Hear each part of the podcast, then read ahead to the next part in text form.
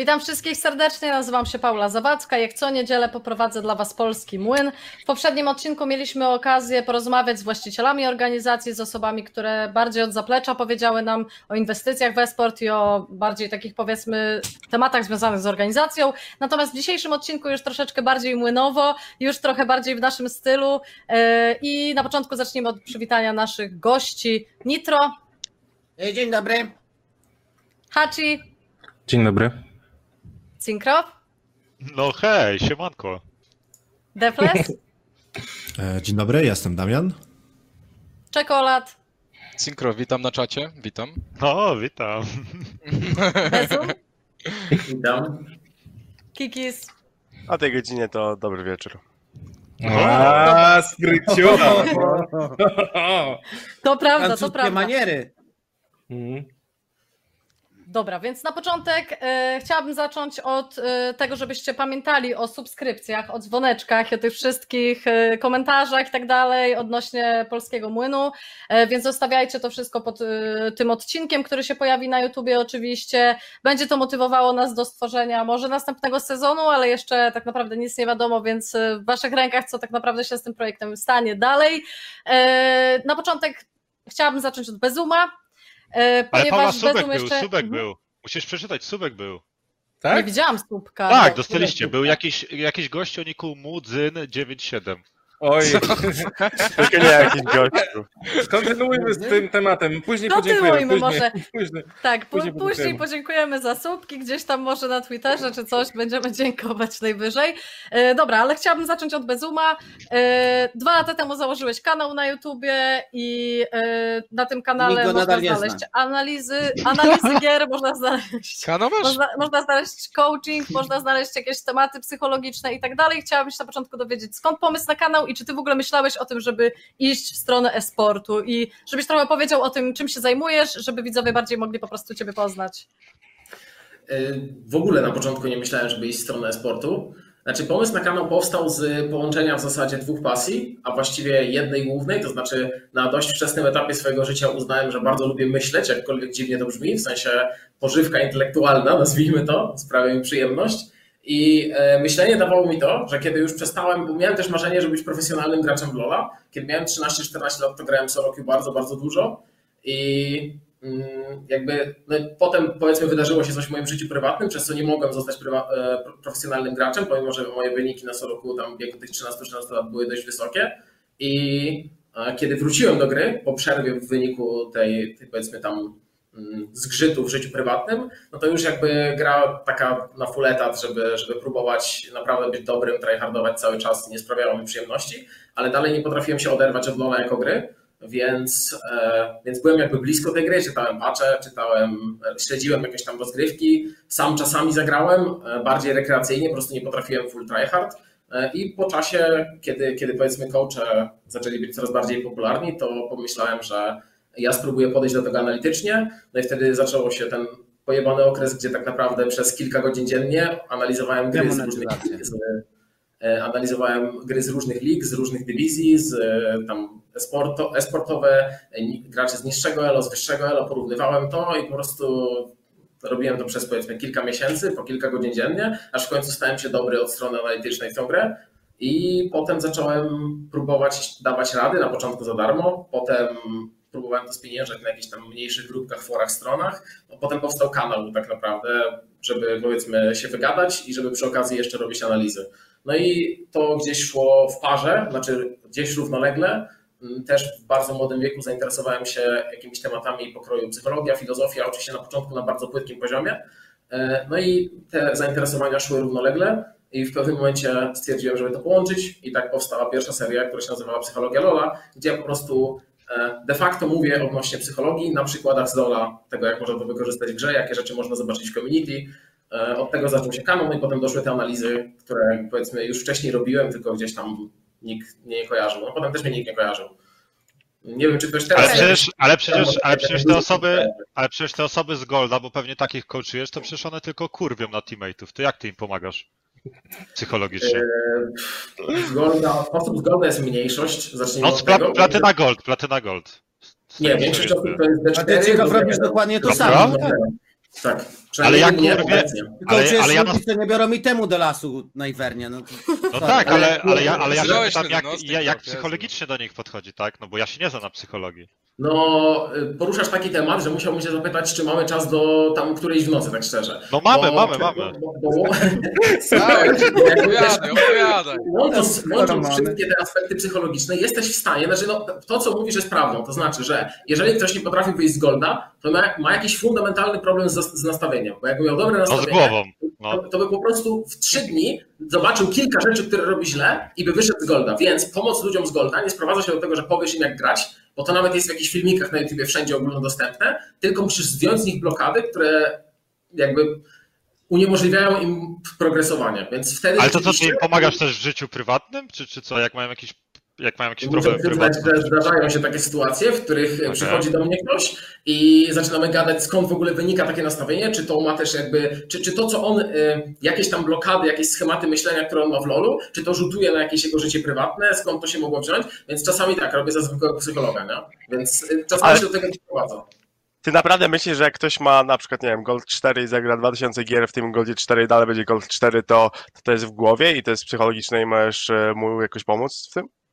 Tak, ja, ja uważam, znaczy inaczej, ja uważam, że jeżeli, że żeby wyjść z golda do chociażby platyny, to wystarczy poprawić dwie rzeczy, czy trzy, tak szczerze, pod kątem gameplayu. I wiedza o tym jest ogólnodostępna, a rzeczy te są proste do wykonania w grze. Chyba się z tym zgodzisz. Więc e, w, takiej sytuacji coś tak, sprawić, ale- że on tego nie robi. No A i to ty być kiedyś byłeś hardstackiem, czy co? W Goldzie byłeś hardstackiem? Przez 2000 Nie, właśnie, właśnie o to chodzi, że Aha. ja po pół roku już byłem tam w topce i ogólnie z reguły, jeżeli ktoś na przykład gra 2000 gier i dalej siedzi w, w tej samej dywizji, to zazwyczaj to jest po prostu to, że jak, jeżeli sam do tej pory się nie nauczył, e, no to już ciężko będzie się nauczyć i raczej taki gracz powinien celować, żeby grać for fun, albo robić coś innego niż próbować wyjść wyżej, jeżeli ma taki cel. Skuteczność tego typu porad jest bardzo wysoka. To znaczy, no nie mam żadnych statystyk, nie prowadzę dokładnych, ale mogę powiedzieć, że powiedzmy 3 na 5 osób odpisuje, że zadziałało dzięki, ma rzeczywiście progres widoczny w randze. E, Jedna osoba, nie wiem, napisze coś powiedzmy na zasadzie, że no tam w miarę, w sensie jest taki progres, ale bardzo mały, a jedna osoba się nie odezwie. Więc ja realnie nie mam negatywnego feedbacku z tego, co robiłem. To znaczy, Ale to nigdy też wiadomo, że- Ej, jesteś z kamerem, y, to nie działa. W sensie pierdolisz głupoty. Nie, nie miałem czegoś takiego. Na 300 osób, z którymi pracowałem, gdzieś tam, oczywiście po kilka godzin każda, to nie miałem czegoś takiego, że ktoś powiedział, że to jest scam, że to nie działa. Ale Że- też te osoby było- nie chcą być, te- też te osoby nie chcą być pewnie prograczami, oni pewnie chcą wbić wyższą dywizję i nadal grać for fun, tylko że Też na mi się wyższej tak dywizji, wydaje. tak mi się wydaje. Dokładnie. Więc ja nie podchodzi do tego tak Mati, że wiesz, masz jakieś wykształcenie psychologiczne, czy, czy jesteś samoukiem? Jak to wygląda? Jestem samoukiem. Znaczy, zajmuję się tym z 7-8 lat, ale tylko na własną rękę. Więc nie mam żadnego wykształcenia. Nie mam żadnych studiów. Znaczy, no, mam 21 lat w tym i w, momencie. jaki, ja- w jaki sposób się rozwinąłeś do, do momentu, w którym twierdzisz, że możesz tutaj psychologicznie kogoś analizować i, i, i nawet dawać mu rady? Czy to nie jest hejt? Ja po prostu ten, takie pytanko zadałem. Jasne, nie, to jest, to jest, dobrze, to jest dobre pytanie. E, Rozwinąłem się w taki sposób, że zacząłem od e, dostępnych materiałów w języku polskim, gdy nie znałem jeszcze angielskiego, więc jakby były to materiały na YouTubie, wy- wydaje mi się, że anglojęzyczne źródła są lepsze, E, natomiast no, po prostu na początku zacząłem na bardzo podstawowym poziomie.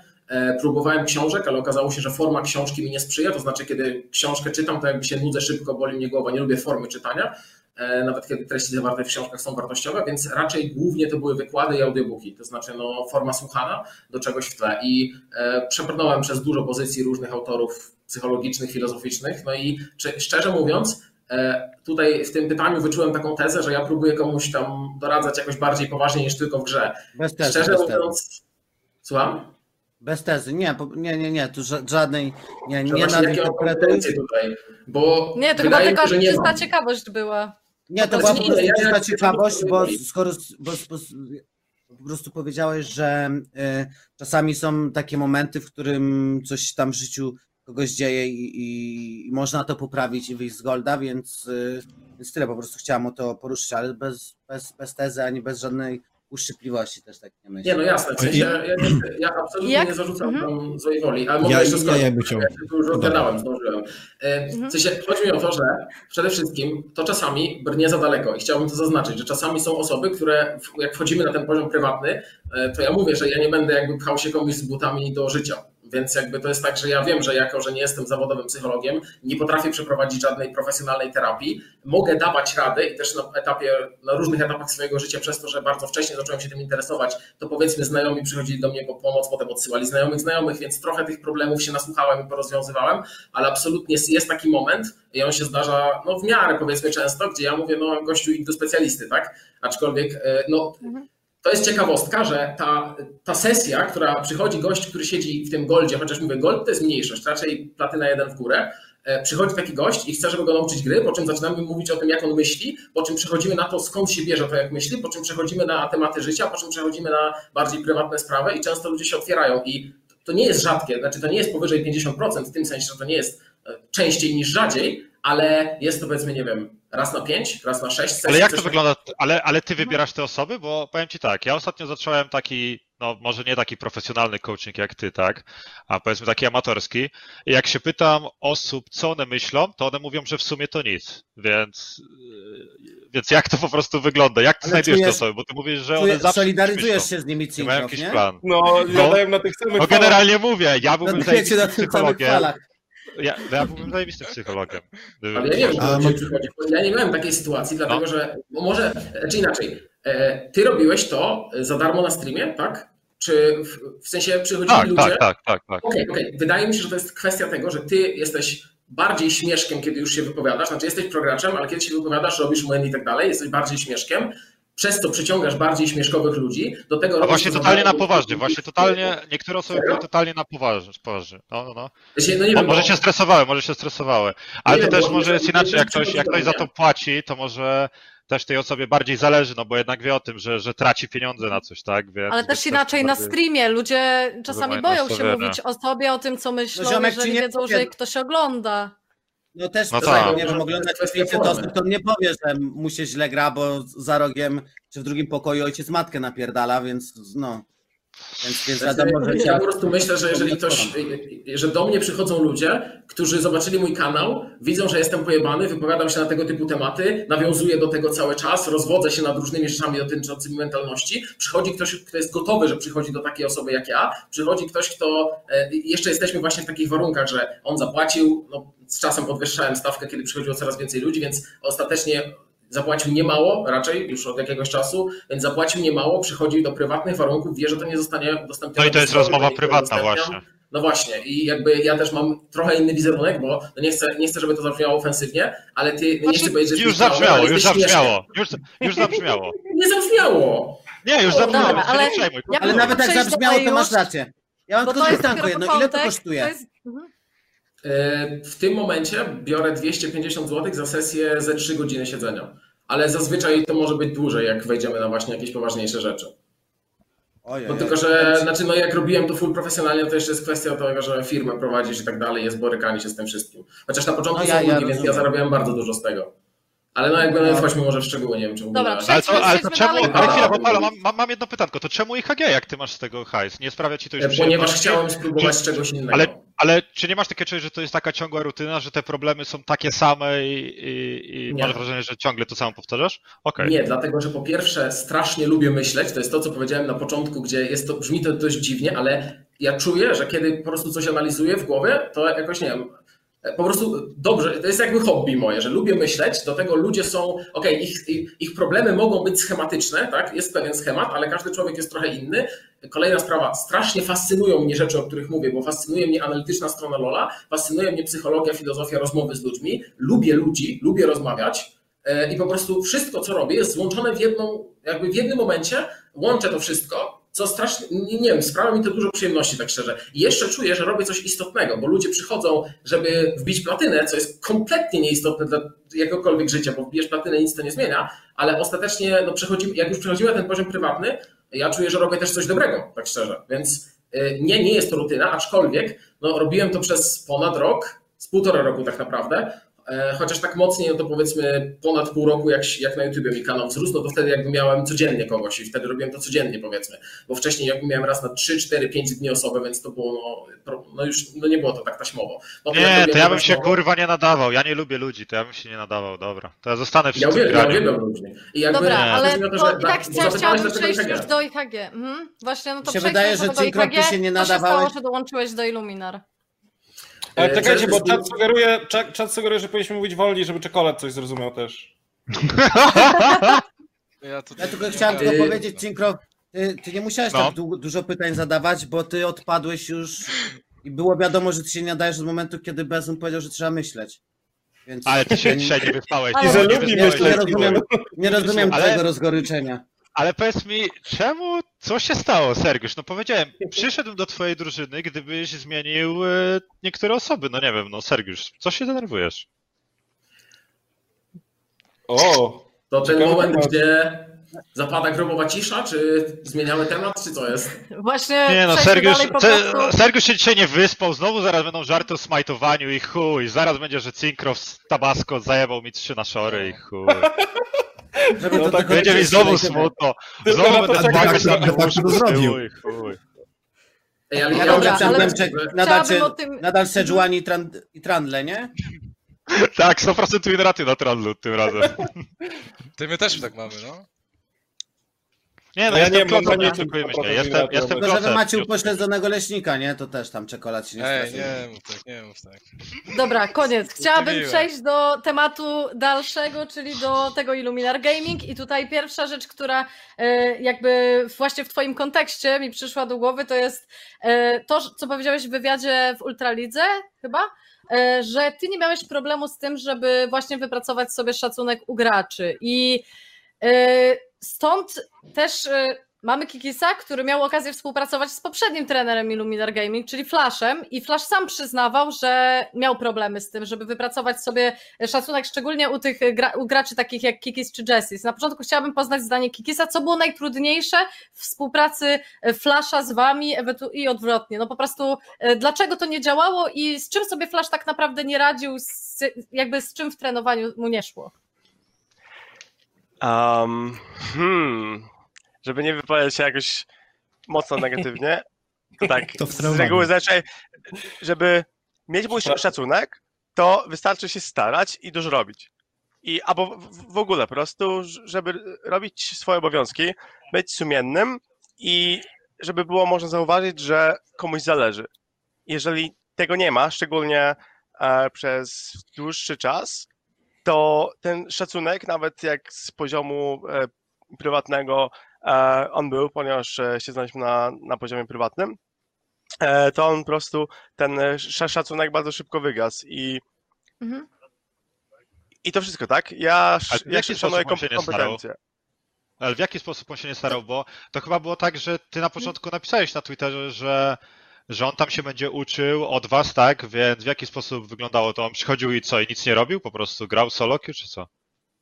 Znaczy, nie wiem po prostu, czy same podstawy, które były przedstawione na samym początku, um, może on myślał, że to będzie wyglądało jakoś, jakoś inaczej, w, w inny sposób sobie to wszystko wyobrażał, um, ale to wygląda na, na takiej podstawie, że no jednak mieszkaliśmy razem i, um, i też po pracy dalej rozmawialiśmy o pracy. Um, ja starałem się poruszać e, pewne tematy i były momenty, w których to naprawdę jakoś wyglądało, tylko że zaczęli to musiało wychodzić z mojej strony.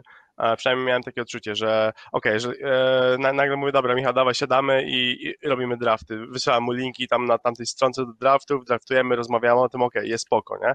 Um, ale nie było żadnej inicjatywy z jego strony, albo przynajmniej no, rzadko, e, rzadko ona istniała. I, I sam fakt, że on nie miał swojego życia poukładanego, albo przynajmniej schedule, tak? E, Ja budziłem się rano, mówiłem, dobra, stary, o tej godzinie e, ja, ja się budzę, zrobić, jak chcesz, mogę ci zrobić śniadanie, robiłem mu śniadanie, o tej godzinie wychodzimy, spoko. E, On nagle śpi dalej, albo nie wiem, nie, nie e, mówi, że ja dzisiaj nie idę do biura, albo że dobra, ja nie chcę do biura, bo tam nie mogę się, się skupić, poczekamy na Aż PC. tak? O kurde. Je, je, jest, jest EPC i on mówi, nie, ja wolę pracować z domu. No okej, spoko, no ale to po co się umawialiśmy na takie coś, że, że ja mam mu pomagać, skoro on w ogóle nie było go obok mnie, tylko ja byłem w biurze albo w EPC, on cały czas siedział w domu. No to jak ja mam mu pomagać? Jak był bootcamp, mieliście to okej, bootcamp wiesz, jak byli... Słucham? To, to jak bootcamp był, to przyjeżdżał z wami do biura, tak? No tak, no jakby bootcamp, to wiesz, to była cała drużyna. Um, Więc nie wiem, cze, czego mu brakowało, czy brakowało mu motywacji, czy coś, bo wydawało się, że jest, że jest z nim w miarę w, porządku w tym momencie. Um, więc nie, nie mam pojęcia, czego brakowało, a też starałem się z nim o tym rozmawiać, ale zazwyczaj to się kończyło tym e, przepychanką słowną z jednej i z drugiej No też strony. mieliście i... prywatną relację, więc to wiadomo, ciężko było. No właśnie, to jest chyba Jeśli problem, takie mieszkanie jeśli o mnie razem. chodzi, Jeśli o mnie chodzi, to to jest jakiś w ogóle, dla mnie to już jest głupi pomysł. W sensie, jak masz być trenerem gościa, z którym też mieszkasz? No bo słuchajcie, prawda jest taka, że każdy ma jakiś słabszy moment czasami, tak? Czy to gracz, czy to trener. I właśnie po to się wraca z pracy do domu, żeby móc mieć na przykład wyjebane czasami, tak? No ale jak wy razem mieszkacie, faktycznie przebywacie ze sobą cały czas i widzicie siebie cały czas, no to jak dla mnie to jest problem. No ciężko, jak nie ma tej separacji, jest się zbyt, zbyt bardzo ziomkami, żeby to, to wyszła jakaś ta współpraca. Wydaje mi się, że to zmęczenie sobą jest zbyt duże po prostu. Znaczy, ja się zgadzam, że trener nie powinien mieszkać z, Mhm. z graczmi, ale w, to już w historii wiele razy się zdarzało, że były gaming house'y, gdzie był w nich trener i trener potrafił e, wywołać e, szacunek drużyny, nawet e, autorytet, a więc nie wydaje mi się, żeby to, to sprawia jakiś, jakiś większy problem, tak? E, można, można się bronić e, tą relacją prywatną między mną a, a Michałem, um, jeżeli chodzi o daną sytuację, ale czy to powinno mieć aż, aż taki wpływ, żeby, um, żeby w, pewnym momencie po prostu się tak jakby, nie wiem, poddać, czy no, nie, nie Ja też nie się. bardzo bym chciała wchodzić w tą stronę, dlatego że y, nie ma tu flasza i też nie chcę No. jakby y, ponawiać konfliktu i tak dalej. Bardziej chodzi mi o y, coś troszeczkę innego, czyli y, powiedziałeś fajnie o tym, co, czego ty oczekujesz od trenera. Czyli oczekujesz, że będzie zmotywowany, oczekujesz, że y, będzie w, y, dawał z siebie wszystko i tak dalej. Jakby chcesz widzieć, że on pracuje, chcesz widzieć, że on się stara i tak dalej. Więc y, tutaj właśnie też pytanie do Cinkrofa, Deflesa, Czekolada. Bardziej Znaczy, ja to jeszcze, dla was było. Mhm. Dodaj, ja dodaj. jeszcze bym, bym chciał dokończyć, zanim e, Mhm. to przejdzie, że paczka zostanie przekazana, um, żeby po prostu wyjaśnić to, że ja byłem wtedy zły na Michała, ale ja ogólnie całej sytuacji nie mam ani mu za złe, ani nie uważam, że nie wiem, że, że coś robi specjalnie, albo że był zły, nie wiem, złym człowiekiem, cokolwiek. No sytuacja, no nie była łatwa, no e, racja, że, e, że jednak mieszkaliśmy razem i sytuacja była dziwna z każdej strony, e, sytuacja też nie była taka jasna ze strony organizacji i to wszystko było poplątane i po prostu wy- wyszło jak wyszło, tak?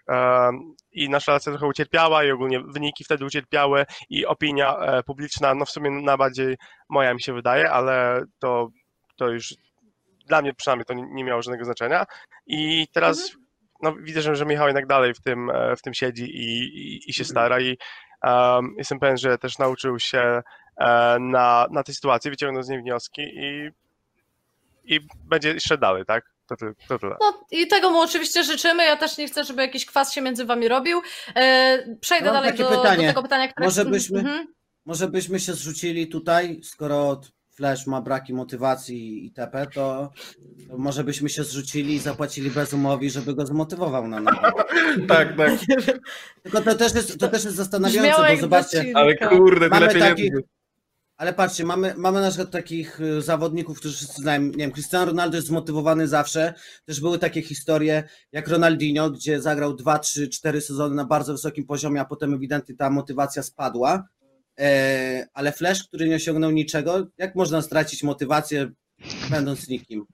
Ale No, też jak można dlatego- stwierdzić, że stracił motywację, kiedy go tu nie ma i tego nie wiemy, może po prostu nie była aż tak widoczna, jak Kiki z tego oczekuje. I to mi się wydaje jest najbardziej prawdopodobne. Jedna osoba, no wiesz, nie zawsze widzisz, kto się stara i w jaki sposób się stara, nie? Nie każdy lubi chodzić do biura i, nie, i niektórzy wolą po prostu pracować z domu i ciężko jest czasami ocenić, że ktoś się naprawdę nie stara.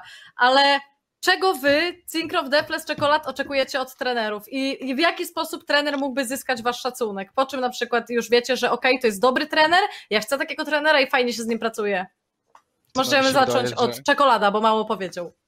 Mi się wydaje, że trener przede wszystkim umie, powinien umieć rozmawiać z zawodnikami, e, rozwiązywać konflikty i znać się na grze.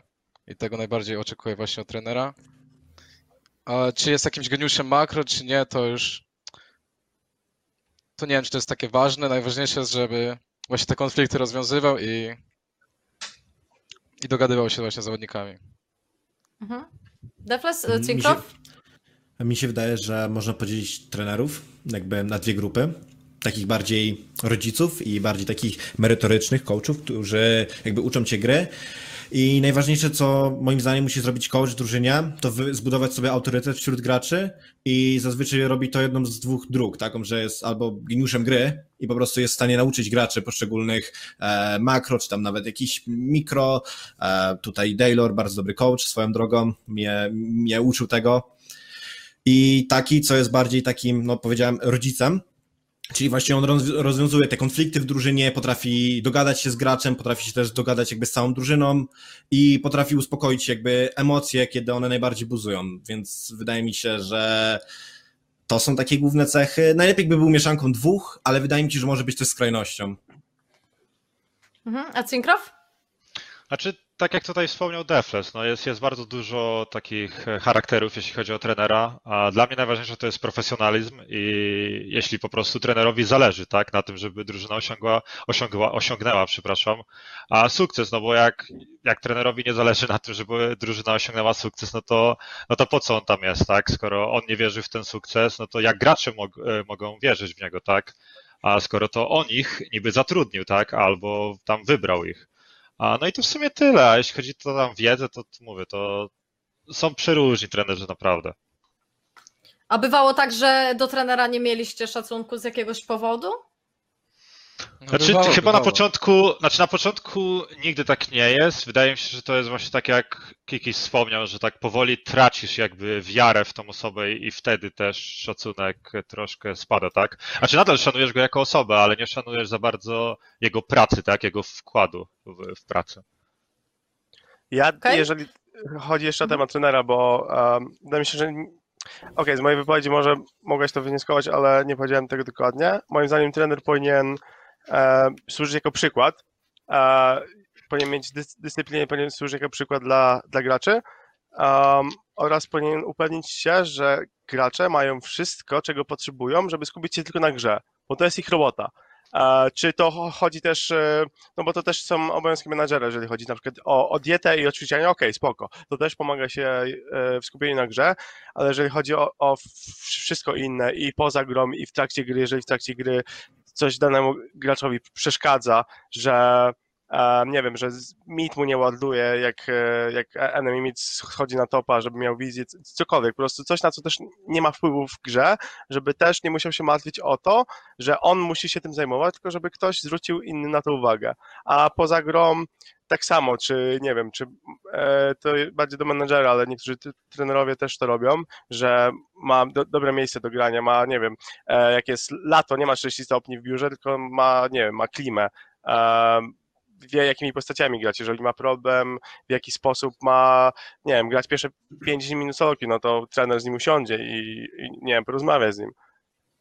Znaczy dla mnie właśnie fajnie, jak, jak trener jest takim łącznikiem między, między graczami, tak? E, No i też ważne, żeby trener miał autorytet w organizacji, której jest, no bo jeżeli organizacja nie stoi za trenerem i nie wspiera go, czy też e, po prostu przy rozmowie, czy zmianach e, i tak dalej, albo nawet przy jego, nie wiem, jakiś tam, przy jakimś planie, tak, na początku sezonu, no to to jest ciężko, tak? Wydaje mi się, że to zaufanie organizacji jest nawet no, najważniejsze, powiedziałbym, że od tego się wszystko zaczyna.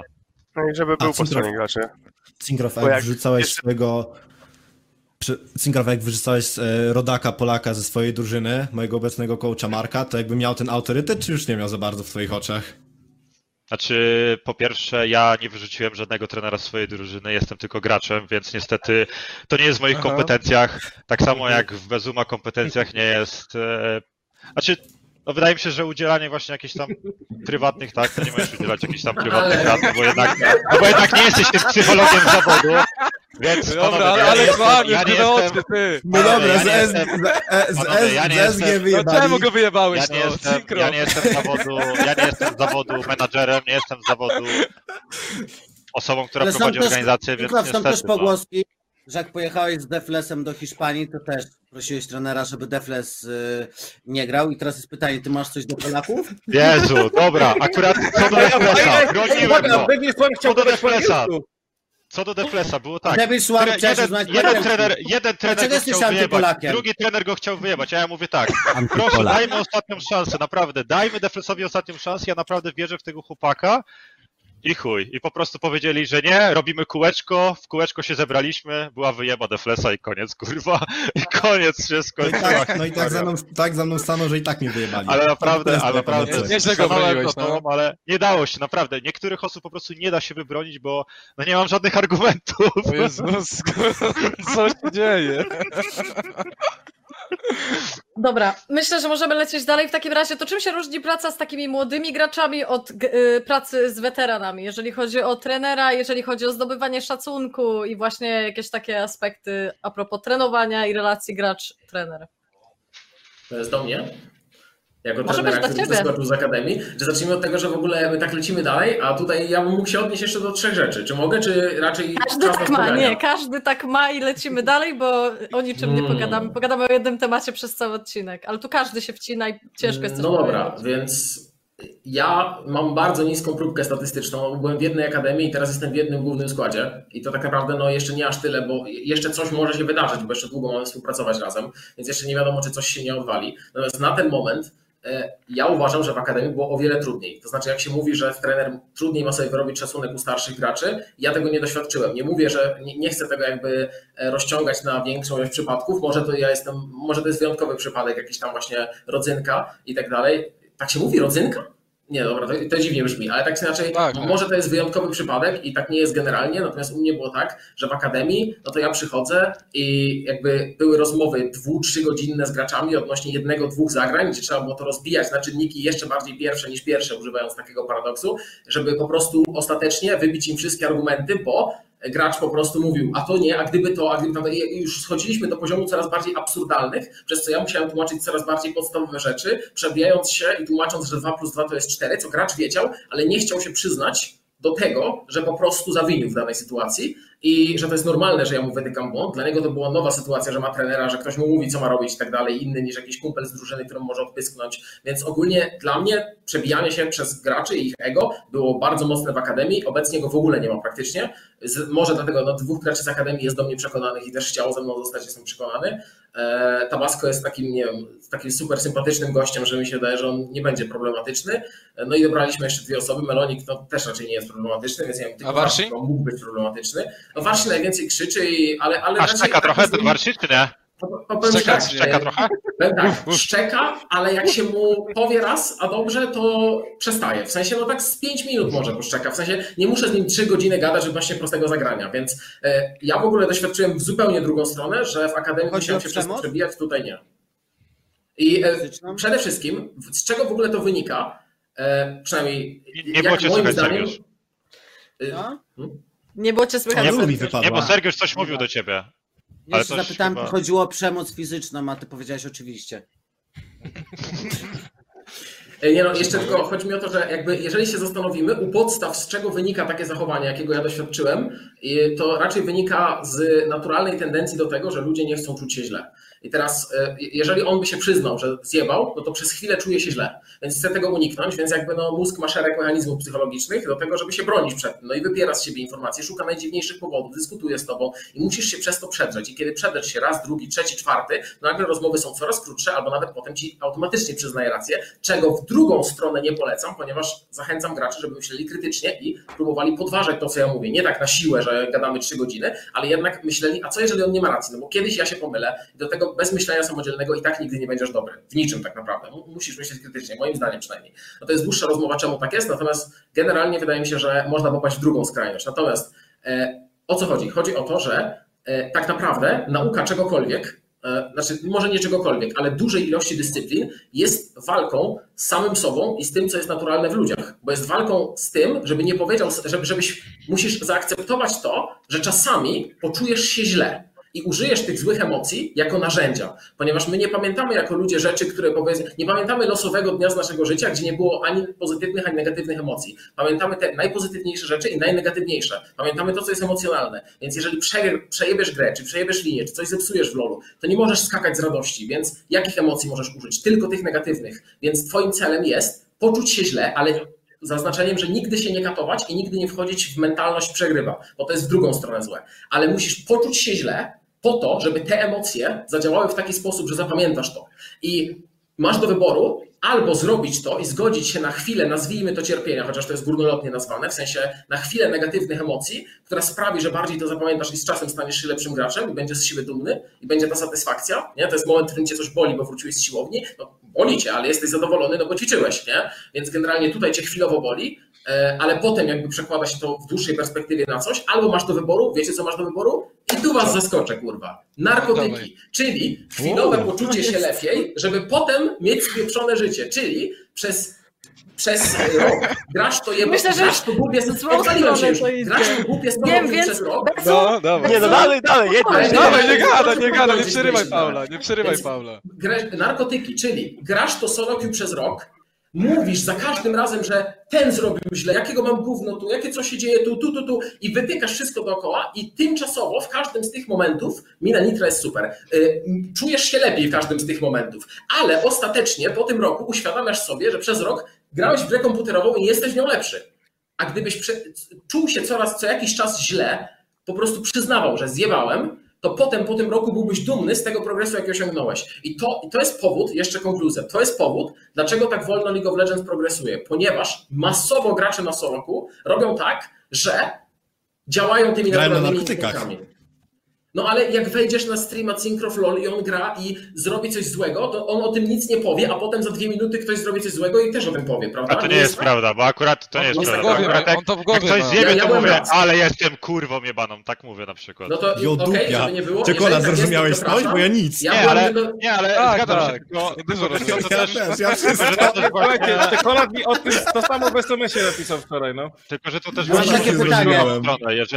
jeżeli gracze będą cały czas właśnie obarczać siebie winą, to mogą być insecure, nie? I wtedy według mnie jest ciężej e, znowu wydobyć z, z nich jakby bycie confident, tak? Bycie, tą pewność siebie. My To już jest trudne, to już jest właśnie bardzo pójść niebezpiecznie w drugą stronę, więc to musi być kontrolowane, bo nie możesz po pierwsze się zakatować, tak? Bo to jest wtedy Tak, sadyzm tak, tak. masochizm, więc trener musi to robić nie cały czas i bardzo w kontrolowany sposób. To znaczy powiedzieć, zepsułeś tu, gdybyś zrobił to lepiej, to stałoby się to, to i to, gość czuje się źle, pozwól mu poczuć się źle, ale żeby się nie zakatował ani nic takiego, to jest tylko narzędzie, w sensie używasz negatywnych emocji jako narzędzia. I teraz, e, okej, i to, co ja zawsze powtarzam, to po pierwsze, to musi działać w dwie strony. Nie możesz tylko mówić złych rzeczy graczom, bo jak robią dobre rzeczy, to musisz w drugą stronę chwalić, ponieważ ludzie działają znowu psychologicznie w ten sposób, że jeżeli uprościmy sobie, jak ludzie działają, to przybliżają się do stanów powiedzmy pozytywnych i oddalają się od stanów negatywnych. Więc jeżeli pozytywne zagrania będą kojarzyć im się z pozytywnymi stanami emocjonalnymi, które ja w nich wywołuję, bo ich chwalę, a negatywne zagrania będą kojarzyć im się z negatywnymi stanami emocjonalnymi, bo będę im pokazywał, że zjebali, to będą naturalnie nawet na poziomie podświadomym ich mózg będzie dążył do tego, żeby przybliżać się do stanów pożądanych, bo tak działają ludzie w największym uproszczeniu jak się da. I oczywiście są od tego wyjątki, jakieś tam schorzenia i tak dalej, zaburzenia, ale generalnie zdrowy organizm, jeżeli wiesz, że włożysz rękę do kontaktu i, się po, i tam ci pojeb, jebnie cię prąd, to tego nie robisz, a jeżeli wiesz, że jak zjesz sobie czekoladkę, to może to robisz, no tylko, że jeszcze masz konsekwencje, że potem jesteś No ale to wiadomo, to wiadomka, to Ale- wiadomka. Ale cho- chodzi o to, że musisz wytworzyć połączenie między pozytywnym No, zagraniem i emocjami.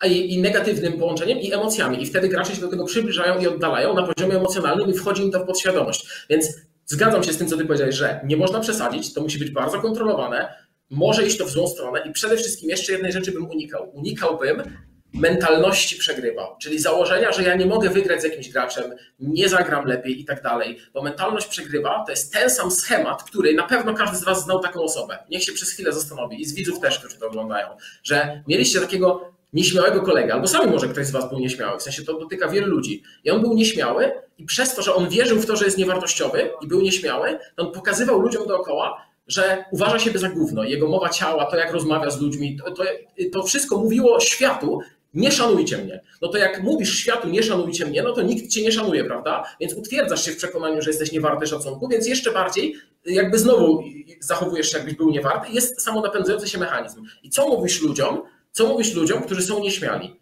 Pierwsze, ty siebie szanuj, a potem oczekuj szacunku od innych. I wtedy ty inaczej masz mowę ciała, inaczej rozmawiasz z ludźmi. Kiedy ludzie widzą, że ciebie należy szanować, bo sam siebie szanujesz, to prędzej zaczną cię szanować. No chyba, że już sobie totalnie przejebałaś, ale no generalnie to działa, tak? W sensie, jeżeli wejdziesz w jakąś rolę, to zachowujesz się tak, że jakbyś właśnie tym dokładnie był, chociaż nie musisz być ze z własnego wyboru. To jest samonapędzający się mechanizm, dlatego nigdy nie można wejść w mentalność przegrywa. Więc zgadzam się, że ta metoda można przegiąć, nie? W sensie negatywne emocje wykorzystywane jako narzędzie. Jak ktoś jest niekompetentny, no to może totalnie zjebać gracza, ale ja myślę, że robię to dobrze. Prze- Przepraszam, Dobra, o dzisiaj więc- mówimy, czy, mhm. czy nie? Nie.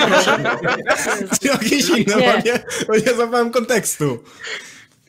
No, Dobrze. E, Dobra, to w takim razie, e, jakie wy widzieliście problemy e, jakby u was, w waszej jakby pracy, w waszym przyjmowaniu krytyki chociażby, czy w jakich aspektach wy widzieliście u siebie problemy, kiedy jakby pracowaliście? Może któryś z was miał tą mentalność przegrywa, o której mówił Bezum, może ktoś jakby, no nie wiem, inne rzeczy go spotykały. Chciałabym wiedzieć, kto z was, jak, z jakimi borykał się problemami takimi w grze, takimi w drużynie, że jakby no nie mógł sobie czegoś uświadomić, i dopiero po jakimś czasie mu przyszło to, że zrozumiał, że na przykład źle robił. Nikt nic nie miał? no Defle zacznij, no. Ja nie lubię grać na Mm. Yasuo na przykład. Wychodzę z założenia, że zawsze na Wydaje mi się- przegrywam. Wydaje mi się, że z Woolite'em tak miałem. Jakby sądziłem, że cokolwiek on zrobi podczas gry, zawsze będzie robił to dobrze. I jeżeli nawet mówił wydaje tak, mi się, że robi tak, coś no. źle, to on musi, on na pewno robi to dobrze. Tylko to jest przez to, że ja tak myślę, że on na pewno jest jakimś mastermindem 300 IQ i to będzie miał, no, będzie miało ze sobą jakieś niesamowite konsekwencje. On mnie ogra in the end. I właśnie z Woolite'em tak miałem bardzo długo. I wydaje mi się, że dużo graczy też ma tak z Woolite'em. Że często nie paniszuje go za jego błędy. Mhm. Okej. Jakie a Zinkrow, czekolad, mieliście kikis, jakieś takie rzeczy, których jakby nie wiedzieliście, że blokują was, że nie pozwalają wam iść dalej na przykład, albo po, poznaliście, że y, na przykład, nie wiem, no to jest najprostszy przykład z tym z y, krytyką, że ktoś y, odbija cały czas piłeczkę i nie chce, nie rozumie, że to czasami on też jak zrobił coś złego, to jakby nic nie ma w tym Znaczy- zrobić, żeby się stać i tak dalej. w przeszłości em, ogólnie jednym z powtarzających się e, błędów, jeżeli chodzi o, o moje interakcje z drużynami, to było to, że, że bywałem uparty czasami i, i do takiego momentu, że zamiast dropnąć e, jaki, jakiś temat, to po prostu sz- szedłem w, upartego i i po prostu tak jakby chciałem wygrać. Już, już nie nie było znaczenia, czy, czy mam rację, czy nie, ale po prostu chciałem wygrać argument, tak jakby przekonać kogoś do siebie. E, I, I to po prostu było bardzo denerwujące dla, dla wielu osób w e, przeszłości i też na ten temat z wieloma osobami rozmawiałem. I zauważyłem też, że przez ostatni rok, dwa bardzo, e, bardzo na tym pracowałem i poprawiłem to do, do pewnego poziomu, ale to był jeden z, z takich e, większych powodów, na przykład dla którego em, G2 sz- szukał kogoś innego. Po prostu byłem wkurwiający w niektórych review, tak? Jak był jakiś replay i, i, i trzeba było się z, z czymś dogadać. Um, bo oprócz tego to słyszałem same superlatywy o mnie. Um, typu tam ciężko pracowałem, dobre, dobra komunikacja, cokolwiek, whatever. Um, ale to było takie właśnie, które się przewijało parę razy. No, ja Okej. miałem wyjebanego, pamiętam. Jak mi ktoś tutaj wypominał błąd, to nigdy nie mówiłem, że to jest błąd i myślałem, że zawsze zagrałem dobrze, ale tak nie było. Wydaje mi się, że w Mad Lions dopiero zacząłem tak jakby szanować opinię innych i no w końcu stwierdziłem, że też popełniam błędy i nie zawsze mam rację. I to był największy taki czynnik, przez który nie progresowałem przez, przez długi czas. Mhm. Tak było Haczy, czy nie? No kurde, byku, no to od początku tak było, bo to była najbardziej wkurwiająca rzecz na twój temat, czyli to, że byłeś giga talented i każdy to kurwa widział, nie? Ale naprawdę na początku tak było dokładnie jak mówiłeś, że na początku to nie dałeś sobie powiedzieć za dużo, nie? To było tak, mia- miałeś trochę no, wyjemanego, tak jak mówisz, no ale faktycznie, no wiesz, to, to, to, to jest to, co musiałeś przejść, żeby żeby zacząć po prostu, wiesz, no, funkcjonować lepiej, także fajnie, że teraz to się zmieniło, nie? Bo to najbardziej wkurzało ludzi wtedy. Pamiętam, jak mnie nie wybrałeś do akademii, tylko wziąłeś freskowego. Tak, tak było. Smutno mi było wtedy. Przykro mi, no co Dobra, ci cię kurwa pocałujcie teraz, Dziękuję, tak... i rozumiem te kolana. Znaczy, zacząć gadać, bo jest jakaś grubowa atmosfera. tak. Siema, zrobiło, zrobiło. Dedosowali mnie w ogóle, dedosowali mnie, siema, siema, siema. Co tam, co Dobra. tam, co się dzieje? Więc ostatni, ostatni aspekt, który chciałabym w tym temacie dodać, już więcej nie. No, Hasi, czemu to zrobiłeś? A jeszcze nie, nie, nie nagrałeś ze mną tego, wywiadu jakiegoś tam. Pamiętasz w tym Kingwin Academy było Tak, tak? tak, ale z freskowym będę nagrywał jutro. Ostatni temat, który chciałabym poruszyć jeszcze już kończąc y, jakby y, trenowanie i tak dalej, aspekty zawodników, to y, właśnie jak w takim razie oduczyć gracza złych nawyków? I może zaczniemy od Hachiego. Jak oduczyć gracza złych nawyków? To Tak, takich rzeczy, powiem które mają. Powiem ci, że się zagapiłem jeszcze troszeczkę w czekolada, nie? To, to jednak jest trudny temat, myślę, że chłopaka to boli. Wiesz co, to zależy jak to jest z zawodnikami. To, to myślę, że kwestia jest taka, że jeśli chodzi o odu- oduczanie nawyków, to jest to kwestia bardzo indywidualna, no bo tak naprawdę, wiesz, to, to, to jakby musisz przeanalizować, skąd się te nawyki tak naprawdę biorą u danej osoby, nie? Więc y, to, to jest jakby jedna ważna rzecz, która jest do zrozumienia, bo to, że to jest nawyk, to jest w większości moich przypadków, kiedy pracowałem z graczami, to wyglądało to tak, że no oni po prostu z jakiegoś powodu uważają, że dane zagranie, które robią, jest najlepsze i przychodzi im najbardziej naturalnie. Więc trzeba było jakby rozebrać to na to, wiesz, takie ra- racjonalizowanie bardzo pomagało w tych tego typu sytuacjach, jakby takie rozebranie na czynniki pierwsze, dlaczego uważają, że to jest najlepsze. Jeśli udało się tak bardzo przeanalizować to zachowanie, które jest nawykiem, bo nawyki czasami to jest rzecz po prostu, którą robimy jakby bez myślenia o niej, to wtedy można było, jak już się to rozebrało na te czynniki pierwsze, można było pogadać o tym, czy są potencjalnie inne rzeczy, które można byłoby zrobić lepiej, a później to jest już kwestia szlifowania tego. Bardzo często, kiedy pracujemy z graczami i chcemy zmienić jakiś konkretny aspekt gry, który robią inaczej, to jest kwestia taka, że jakby nie ma znaczenia cały wynik całego screamu, ale skupiamy się konkretnie na danych aspektach, których chcemy, żeby gracze zachowali się inaczej niż zachowywali się do tej pory. I to, to jest po prostu, wiesz, kwestia powtarzania tego. Tak to u nas działa zazwyczaj i myślę, że to jest ta kwestia, nie? No ale to jest różnie z nawykami, dlatego że no jednym graczom niektóre rzeczy bardziej siedzą w bani, innym mniej i to po prostu jest różna jakby długość tego czasu, który jest potrzebny, żeby, żeby rozwiązać pewne z tych rzeczy, nie? Wydaje mi się, że Dobra, ja w tamtym tak- roku mhm. bardzo dużo, bardzo dużo coin flipowałem, inwade'ów i takich różnych zagrań. I no naprawdę, nie wiem, to po prostu się działo tak bardzo mocno w, psy, e, w psychice.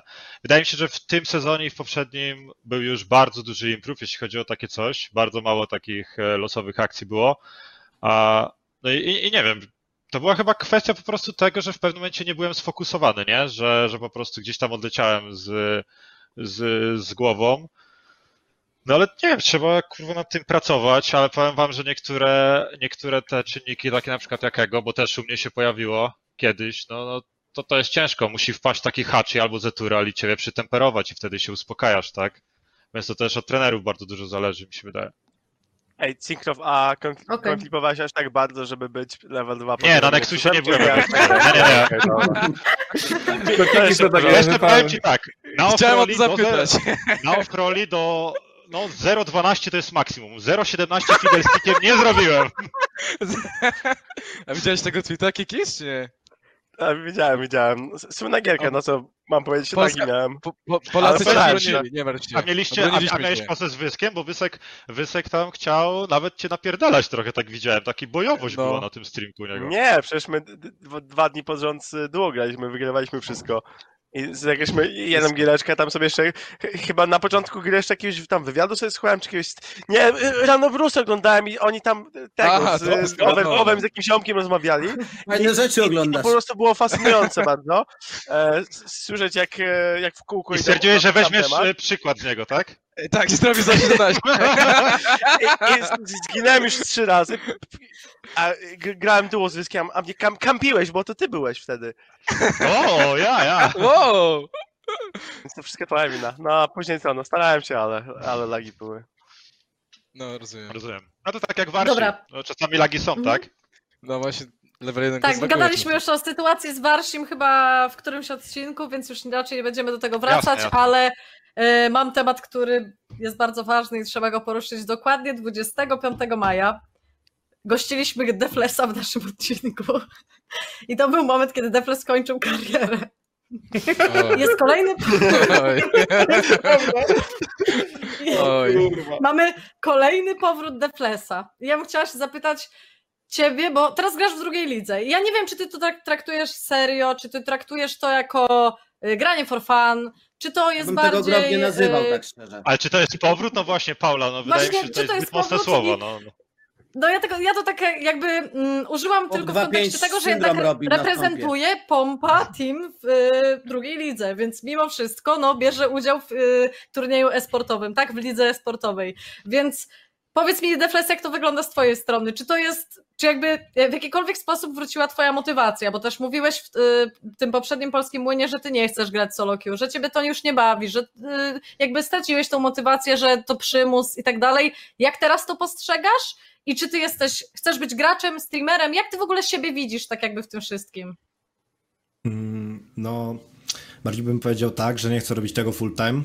Nie chcę poświęcać tyle czasu na, na solo queue i na samą grę, ile wcześniej poświęcałem. Lubię jakąś odskocznię. Lubię sobie czasami streamkę włączyć, pomyśleć sobie, co mógłbym na przykład śmiesznego zrobić na stream, rozbawić ludzi.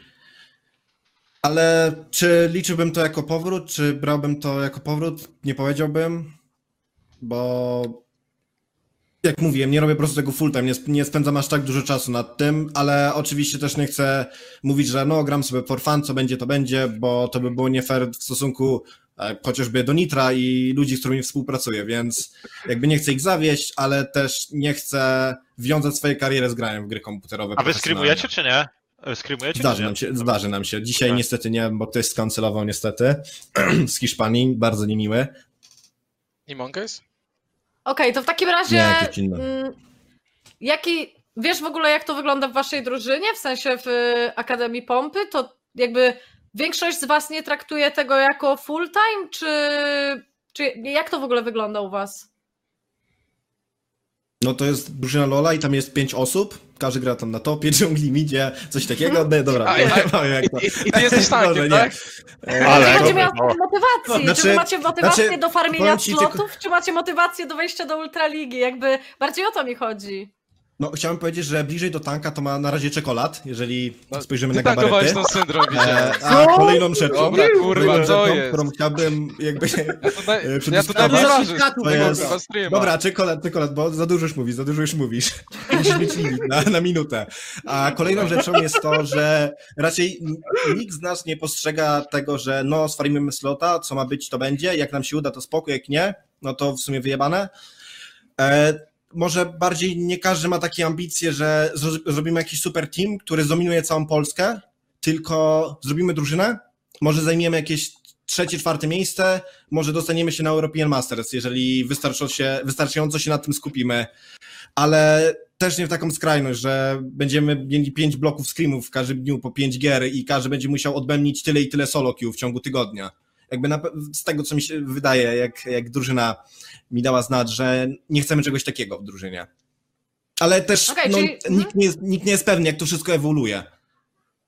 Okej, czyli to jest tak bardziej gramy for fun, ale staramy się, chcemy zagrać dobrze i e, jakby co wyjdzie, to wyjdzie. Bez żadnego takiego presji, bez e, takiego głównego celu, jakby, e, który jest narzucony z góry i tak dalej, tak? Czyli podejście jest takie bardzo luźne do tego. Mm, Bardziej nie tak, że nie ma celu, bo oczywiście mamy tam cel dostać się i później zrobić jak najwięcej z takim minimalnym wkładem, ale wydaje mi się, że nikt nie miałby czegoś takiego, że by się zadręczał, że no nie udało się, co ja teraz będę jadł, jak nie pasztet, albo coś A z, takiego. kim, a, z- a z kim ty grasz na, na bocie, przepraszam? Z makukiem. Ma, i, I kto jeszcze? Makuki. Aha, i Deflet, okej. Maku to support.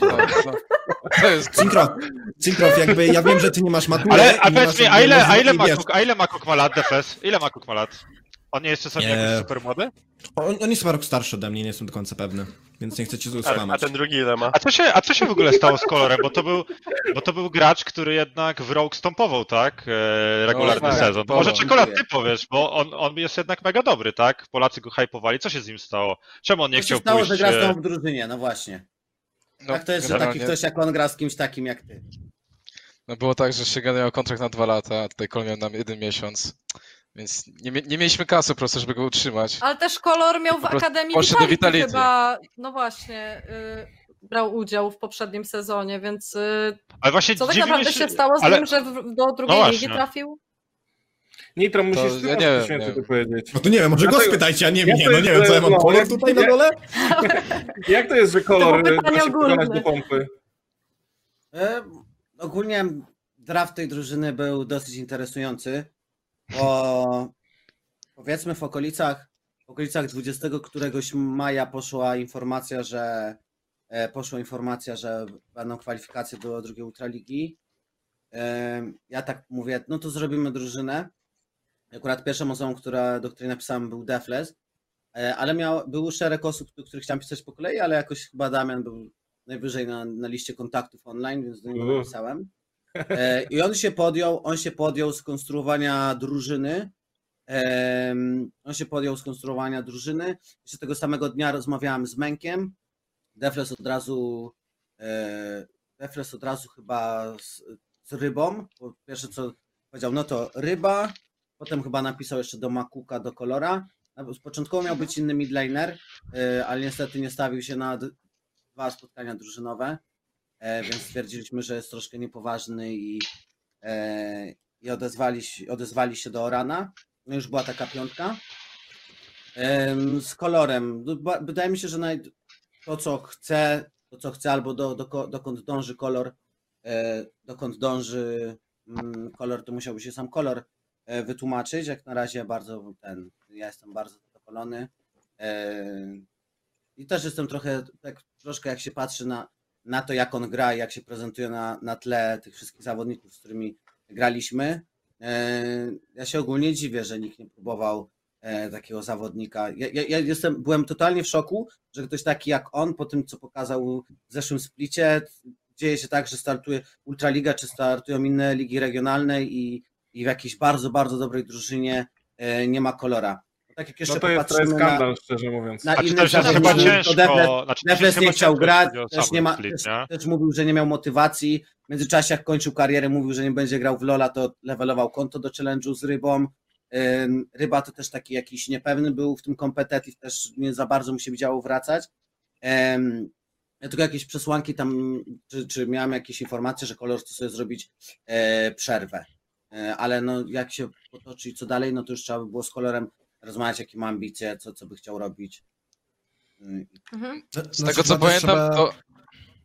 No mów. Z tych szybko powiem, jakby w, w, w temacie kolora, jakby chyba trzeba też delikatnie wybielić jego imię, że to wszystko, dlaczego w tych większości drużyny nie gra, to nie jest, że były jakieś konflikty i po prostu się nie dogadali, tylko że raczej kolor nie był w stanie grać w tych drużynach. Bo z tego, z takich rozmów w drużynie, nie wiem, z, z tydzień może on bardzo wyda, wy- wydaje się taką osobą, że jak on coś robi, to on chce robić to w- w 100% możliwości, chce jakby włożyć w to siebie i bardziej uważał, że jeżeli pójdzie teraz do jakiejś drużyny, nie będzie w stanie tego zrobić, więc to nie wynika tak, Też że drużyny go nie wiesz- chciały, bądź miał jakiś konflikt, tylko że on nie chciał iść do drużyny, gdzie nie mógłby dać z siebie 100%, a jakby w drugiej lidze, jakby nie daje z tych 100% siebie może, ale nie musi, nie musi. No też, też chyba jest lepiej, też jest lepiej nie, robić, nie pozostawiać po sobie złego wrażenia, bo wyobraźcie sobie, że poszedłby do jakiejś drużyny i potem by e, za nim była taka fama, że się nie Ale- przykładał, a że może słabiej grał, więc Okej, E, ale nie może no. dać z siebie 100%, bo ma jakąś sytuację w życiu, czy nie może dać 100%, bo co? ciężko mi Pewnie też jakieś rozmawiać o konflikty prywatne. sytuacjach w życiu. No okej, no jeśli ma problemy, no to to ma sens, nie? No to do Bezuma, Więc- tak? Znowu odsyłamy. Kolejna osoba dzisiaj. No już ma cztery stówki. Drugi raz podpadasz, gościu, już zaraz nie od Znaczy nie bezum, tak, tak szczerze, jak będą Nie, ja mówię serio teraz. Nie, nitro według moich opłaca. psychopatów, Nie no, ja też Gdybyś żartuję. moich psychopatów z drugiej ultraligi podesłał, to byś mi zrobił ten? A ja nie żartuję. Ja bym ci ich wszystkich na taczce tam dowiózł. Marka trzeba podnieść tutaj, bo, bo, gniszczą chłopa. Wiesz, no, Deflesa obecnie trzeba naprawić, rybę trzeba naprawić. Ale wiesz, tak, ty, nie, ma, nie ma konfliktu interesów, bo w innych ligach gracie. Więc wydaje mi się, że ten. I HG Można nie ma by akademii, Pompa gra w tym, w, w Ultralidze i tutaj, więc no nie ma, nie ma konfliktu interesów. Ca- cały, No cały ale gdyby Bezu miał na to czas, to zrobiłby Akademię Illuminar chyba, nie? A teraz po- to jest chyba ten Eee, fokus na pierwszym składzie. Raczej Tak, tak, to raczej po tłumaczy. prostu na następny sezon będzie robiona Akademia No. Illuminar. Tak, to, to, Ale jest, to jest raczej... Przecież ma wystarczająco słaby skład w pierwszej ultralidze, żeby akademią się martwić. wiadomo. Nie no, aż tak słabo A ja, a ja ci powiem, że ja cię lubię, bo ty jesteś tak bezpośredni i tak masz wyjebane, co kto myśli, że aż to jest sympatyczne, bo ja też tak czasami się odpalam. Powiem coś. O, Nigdy nie stamparać No, super czasem od, od ten? Od Illuminar? Nitro, nie A dostałeś to jest trafna uwaga, czekolad. Jak dobrze, że tam jesteś. Słuchawki padły mu, słuchawki Kurwa się padły. popsuły. A, samo coś...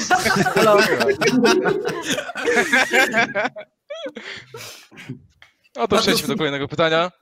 O, już działa. Jeszcze zamykając, jeszcze zamykając ten temat y, Illuminar i tego słabego rosteru. Znaczy, no gorzej niż w poprzednim sezonie raczej nie będzie. No jakby to trzeba podkreślić. No tak, a tam właśnie, Ale tak, ale no nie, właśnie to, co był pan Panteon pod, pod, to- pod coinflipa, no. Z jednej strony to jest śmieszek, ale z drugiej strony my tak bardzo nie mamy presji, bo nikt nas nawet w top 3 nie stawia. W sensie nikt nawet nie mówi, że. Ja, ja mówię, że powalczymy o top 3, nie? Mniej więcej, żeby spróbujemy. A tak normalnie to raczej jak się słucha, to znaczy powiem tak. Może coś ominąłem, bo ja raczej nie jestem z tych, co lubią za bardzo tam siedzieć w tych social mediach jakoś zbyt długo i przeglądać to i się tym zajmować. Ale mi się wydaje, że naprawdę nikt nie daje nam szans na top 3 i raczej top 3 wydaje się, że ludzie myślą, że jest zajęte, więc tak bardzo nie mamy presji, że aż to jest na korzyść naszą, myślę. Jakby- A mi się wydaje, że Jest. ludzie mają was za takie lekko jakby między top Potencjalny- 3. Mi się wydaje, że to jest troszeczkę Tak. jest hit, pompa yy, i IHG, tylko pompa lekko wyżej. hit, o kurwa, Tak się Marcin. wydaje. O, się gorąco zrobiło. no Nie A nie? hit, nie hit.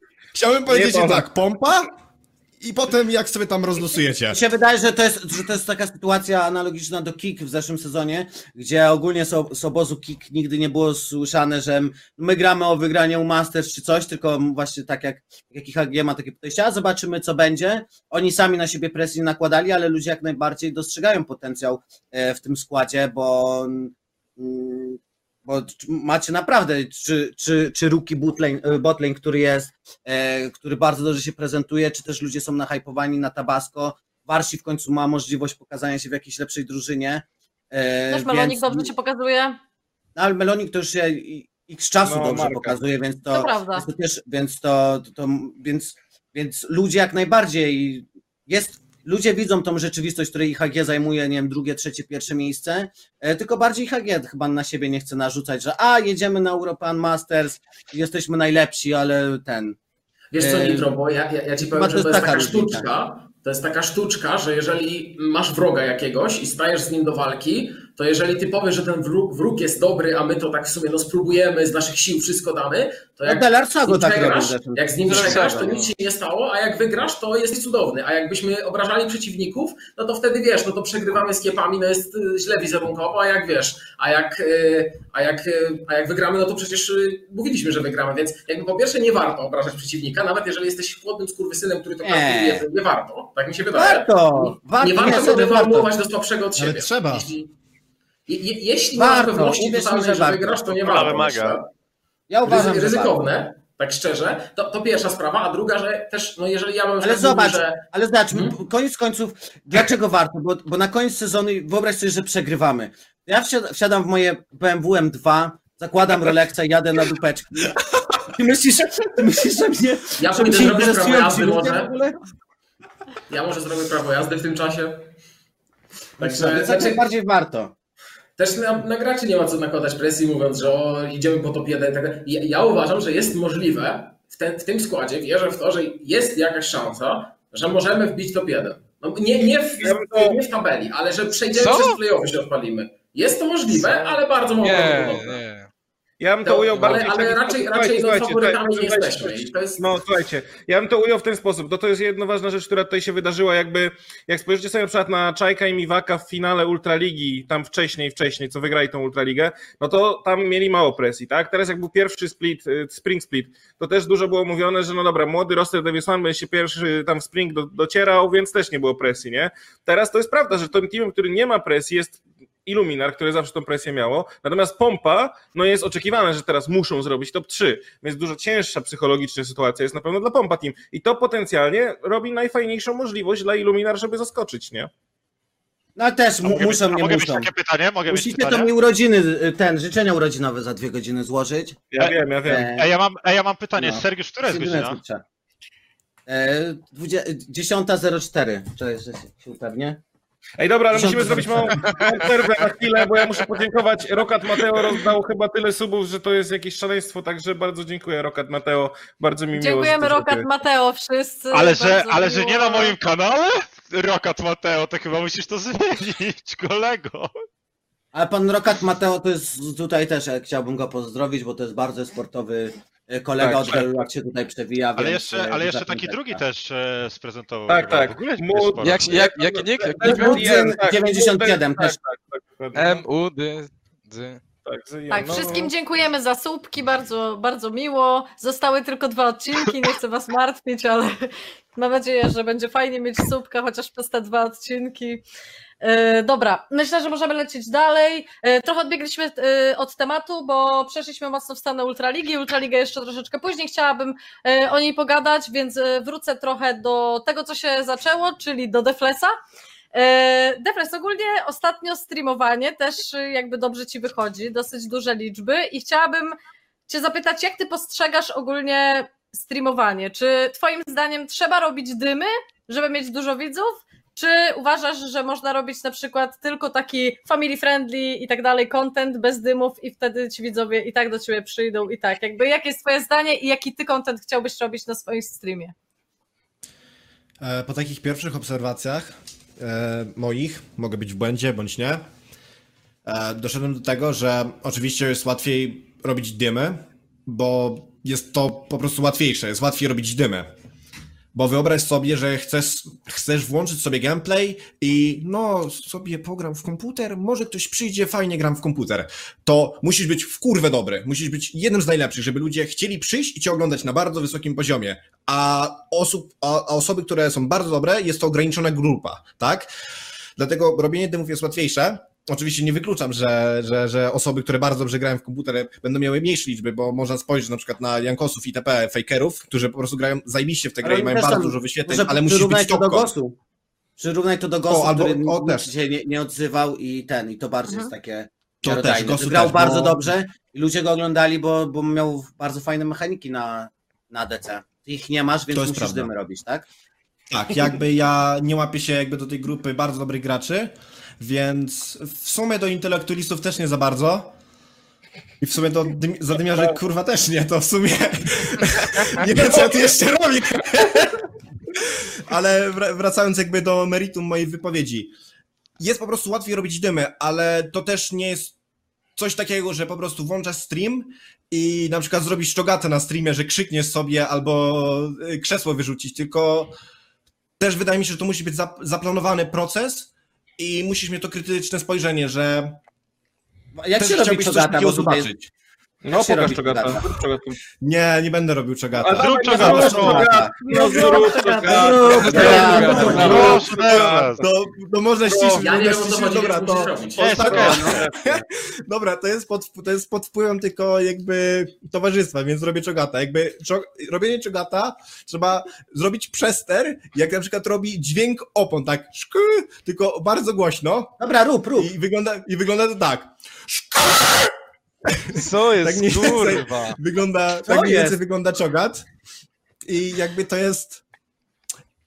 To jest taki ewenement. Mi się, jakby mi się wydaje, że to jest taki de delikatny ewenement internetowy, że ludzie w tak. internecie z chęcią oglądają, jak ktoś na przykład robi dźwięk czogata albo sajona i krzyczy do mikrofonu. I. Ja bym pomyślał, Może- że A jak wygląda dźwięk Sajona? Przepraszam, przepraszam, bo przepraszam, chcę skończyć jeszcze, chcę skończyć. Ty już mówiłeś bez. To Oczywiście, dużo oczywiście. Teraz dla mnie, teraz dla mnie czas. Co się tak I-?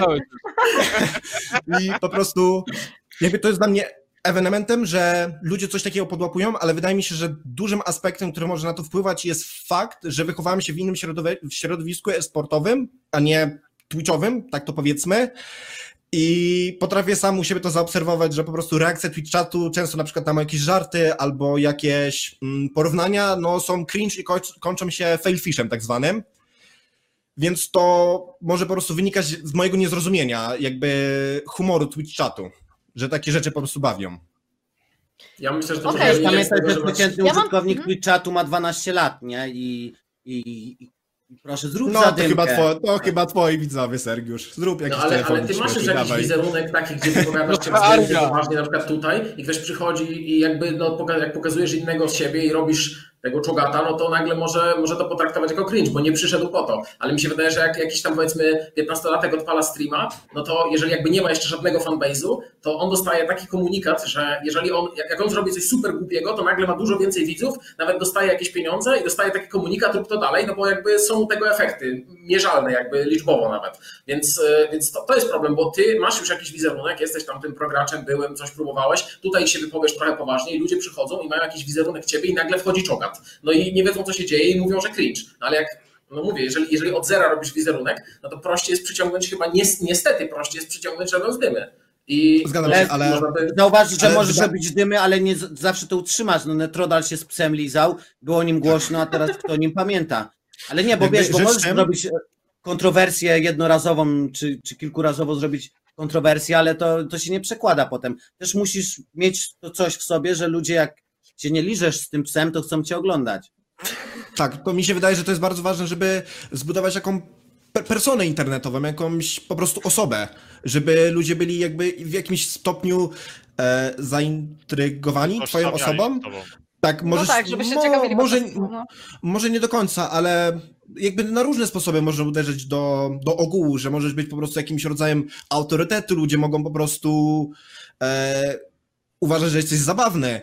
Tak samo wydaje mi się, że dobrym przykładem takiej persony jest i, i dużego kontrastu jest na przykład chociażby Sergiusz, który zaczynał swoją przygodę od, e, od telefonów, tak mi się wydaje, a on jakby z drugiej strony też tworzy taką osobę, która tak naprawdę jest poważna i potrafi te dwie rzeczy poróżnić. W sensie może nie poróżnić, tylko robi dwie różne rzeczy i masz ten kontrast jakby tej, tej, tej, tej osoby. Dobra, danej. to zostańmy w takim razie przy Sergiuszu. Ja chciałam zapytać Ciebie, Sergiusz, czy Ty kiedykolwiek miałeś jakie, jakieś problemy z partnerami, markami, z Tak, raz mnie czymkolwiek? nie staną. A, Przez to, jak, e, jak na przykład e, prowadziłeś. O kurde. przez tak na przykład prowadziłeś e, swój content i tak dalej, czy, czy były jakieś problemy z e, powiedzmy, no, no nie wiem, dlaczego na przykład nie, e, nie wiem, nie pomagałeś w żadnej organizacji, czy nie byłeś na przykład e, st- streamerem, czy chociażby youtuberem dla kogoś i tak dalej, jak, znaczy, ciężko być, kiedykolwiek ciężko problem być, z tym? Ciężko być streamerem dla jakiejkolwiek organizacji, yy, po, współposiadając inną organizację. Ale to był ten moment, że byłeś free i wiesz, że rozmowy jakieś tam się zdarzały. Ale nie? właśnie tutaj, tutaj ten, ym, tutaj Hachi, tak jak dobrze zaznaczył, więc mi się wydaje, że to był przede wszystkim jeden z punktów. No nie oszukujmy się. Y, I, i teraz tak, bo, bo troszkę wykroczyłem do przodu. Rozmawiałem w pewnym momencie z Hachim, rozmawiałem w, w pewnym momencie z Hachim na temat Devil's One i to nie wyszło. I teraz tak, mi się wydaje po tym, po tym całym okresie, że to nie wyszło między innymi dlatego, że wiesz, jak mi wyślesz bluzę, jak mi wyślesz bluzę czy klawiaturę, e, wyślesz bluzę czy klawiaturę, to, to ja nie będę tutaj twoim psem, który będzie cię reklamował do końca życia. Do całkiem niedawna myślałem, że to jest może dlatego, że właśnie ktoś jest kontrowersyjny czy coś. Wydaje mi się, że rozbiło się do pieniądze, no bo skoro Devil's One mają Random Bruce'a czy jakiegoś innego, innego sortu mm, ludzi tego gorszego, e, to, to nie chodzi tutaj o wizerunek, tylko właśnie chodzi o to, że no, ja nie jestem osobą, po której można się tak przejść. A z Mhm. innymi organizacjami nie rozmawiałem.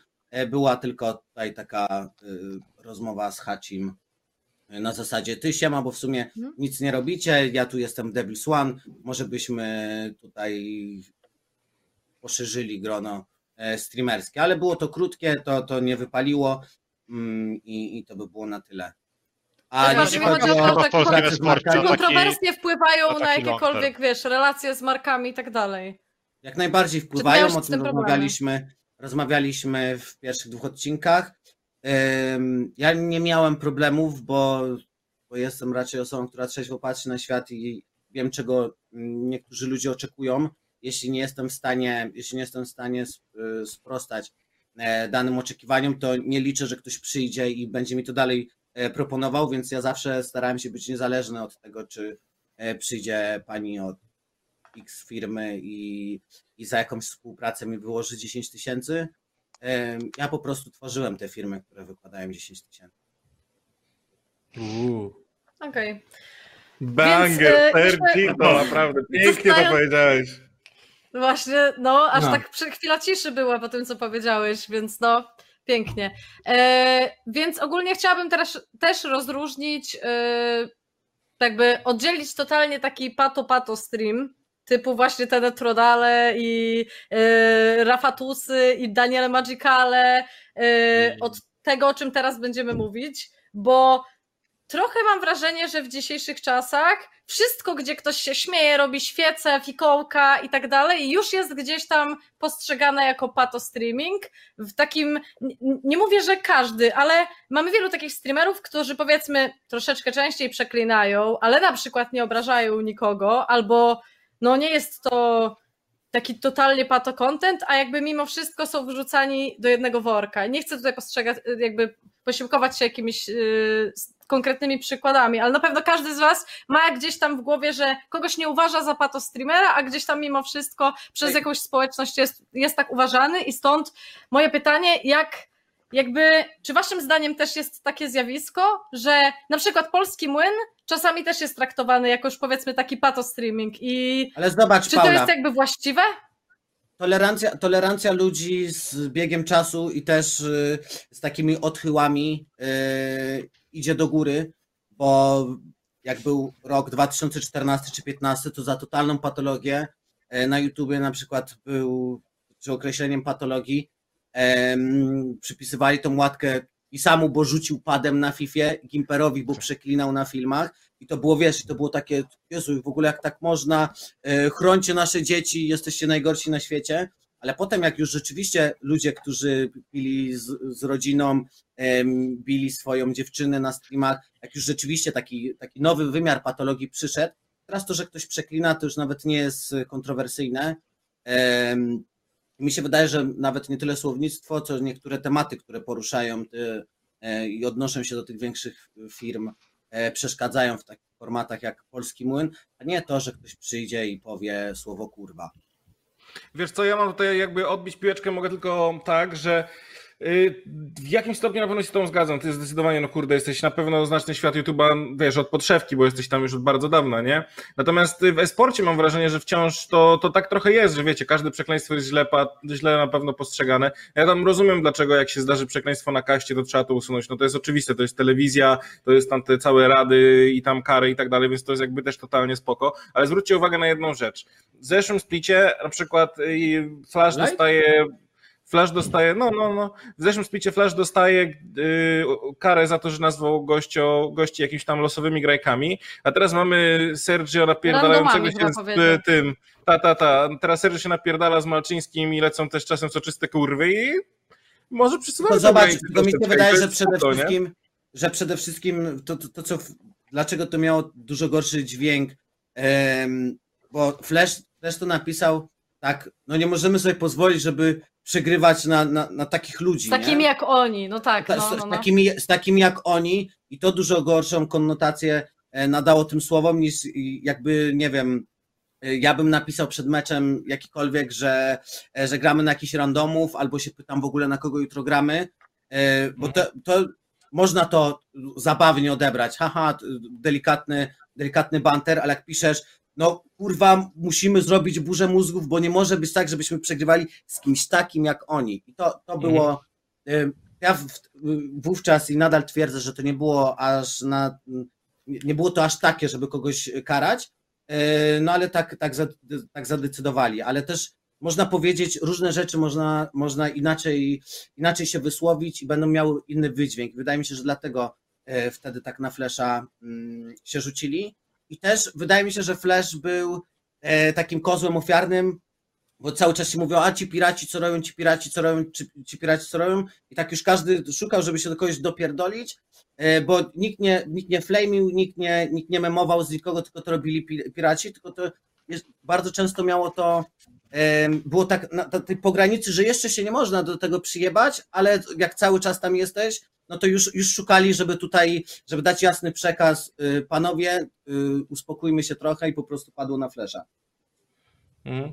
Okej, Znaczy, to też mi się w takim- wydaje, że mhm. bardzo ważną rzeczą e, pomiędzy, e, w sensie jeżeli chodzi o takie social media, jest to, żeby ten banter powiedzmy, albo ten, te zajmienie przed, er- przed, przed meczem, czy jakkolwiek chcemy to nazwać, jakby nie był jednostronny. Wydaje mi się, że też bardzo ważna jest interakcja, bo też każdy, wydaje mi się, inaczej patrzy na, na całą interakcję e, Sergiusza z Malczyńskimi, bo oni odpowiadają.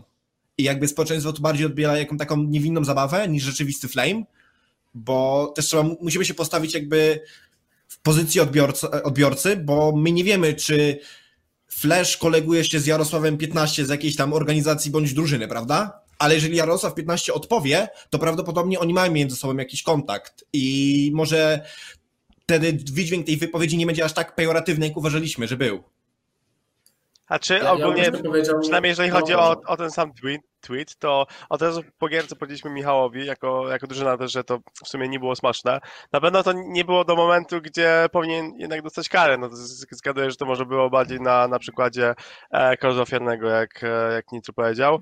Um, Tylko też ja nie chcę iść w I- stronę Flasha znowu, bo znowu tak, widzę, tak. że odbiegamy Ale- w stronę a- Flasha i znowu odbiegamy w jeśli- jakieś negatywy o nim. Tutaj, jeżeli chodzi o, o so, socjale, bo tutaj chodzi, czy, czy to jest smaczne, czy, czy nie. I, I Mhm. to, że tam Nitro z Malczyńskim sobie coś tam na Twitterku popiszą, no to właśnie widać tą interakcję. Um, ale ogólnie mnie, mnie ciekawi, bo ty mówisz o, o tej patologii to e, i o patostreamerach, to to są jakieś komentarze na, na YouTubie czy na Twitchacie, że nie wiem, że tutaj jest patologia, czy bo ja nie wiem od czego to się bierze, na przykład, że, że, że mówię, że ktoś wspomina, że na przykład polski młyn to jest patologia. Znaczy, no ogólnie i w komentarzach też można przeczytać takie opinie, na, na przykład przy tym odcinku z Delordem, kiedy tam była totalna beka i nie dało się tego zatrzymać i właśnie ja chciałam bardziej się dowiedzieć, gdzie jest granica tego, jakby kiedy to już jest patos, patostream i widziałam tutaj pytanie było o parszywą piątkę, no moim zdaniem niektóre rzeczy w parszywej piątce, które były, faktycznie były już poza tą granicą, że przekraczały tam, y, jakby nie mówię, że wszystko, bo, bo nie, ale bywały takie teksty, które jakby wykraczały poza granicę dobrego smaku, ale jeżeli chodzi o polski młyn, to też na pewno zgo- zgodziłabym się z tym, że były ze dwa, nie wiem, dwa, trzy, może cztery takie, takie jakby rzucające się w oczy bardzo mocne słowa albo zdania, które może były poza granicami dobrego smaku, ale jednak mimo wszystko ja nie mam wrażenia, że polski młyn to jest na przykład pato content. Ale to, Ja Wracając- uważam, że słowo wracając po do- prostu trole, przecież, przecież większość tych osób to po prostu troluje i nie jesteś w stanie, a, nie wiem, ocenić, czy, czy on sobie śmieszkuje, czy on pisze na poważnie, więc no nie wiem, czy, czy, czy, Ale czy słuchajcie, ja powinniśmy powiem wam brać, tak e, brać taką to będzie- opinię. Jeden z ostatnich razy, kiedy w ogóle wspominam ten temat, ale no jest bar bardzo dużo dostaję komentarzy nie od ludzi właśnie tak, którzy sobie oglądają i tam ten, tylko też od, od takich innych osób, że no niektóre tematy trzeba lepiej zmoderować, że trzeba częściej przepraszać za to, co się powiedziało, że nie ma wyczucia. Miałem komentarzy dużo od, no, no że po prostu jakby szkodzimy bardziej tematom niż chcemy im czasami pomagać, ale jakby mniejsza o to. Wróćmy do tych socjali i do tego przesuwania granicy, bo ten temat granicy jest w ogóle mega ciekawy i fajny. Cinkrow, czy ty masz wrażenie na przykład, że że, że jak patrzysz na socjale, nie, normalnie Twitterka, to jednak ludzie No. sobie lecą mocniej troszeczkę niż, niż tak z rok temu, czy jak wiesz, jak byliśmy w Devilsach? No ja No wrażenie, wiesz, że ja rok temu, mocniej, nie wiesz, ja, ja rok temu miałem łańcuchy, nie, na, na sobie i też wydaje mi się, że na polskiej scenie te wszystkie te, nie wiem, jakieś przekleństwa i tak dalej, naprawdę są odbierane, nie wiem, trzy razy mocniej niż na zagranicznej. Na zagranicznej scenie ktoś napisze Tak. ci, że jesteś dogiem i, i to jest banter i to jest okej, a na w Polsce powiesz kurwa i nagle Orbit nie chce ci sponsorować i nie chce ci dać pieniędzy, tak? No to, to jest w ogóle, wiesz, dla mnie to jest śmieszne, tak? A, no nie mi to oceniać, tak? Ja sugeruje, że przyszli youtuberzy i ten?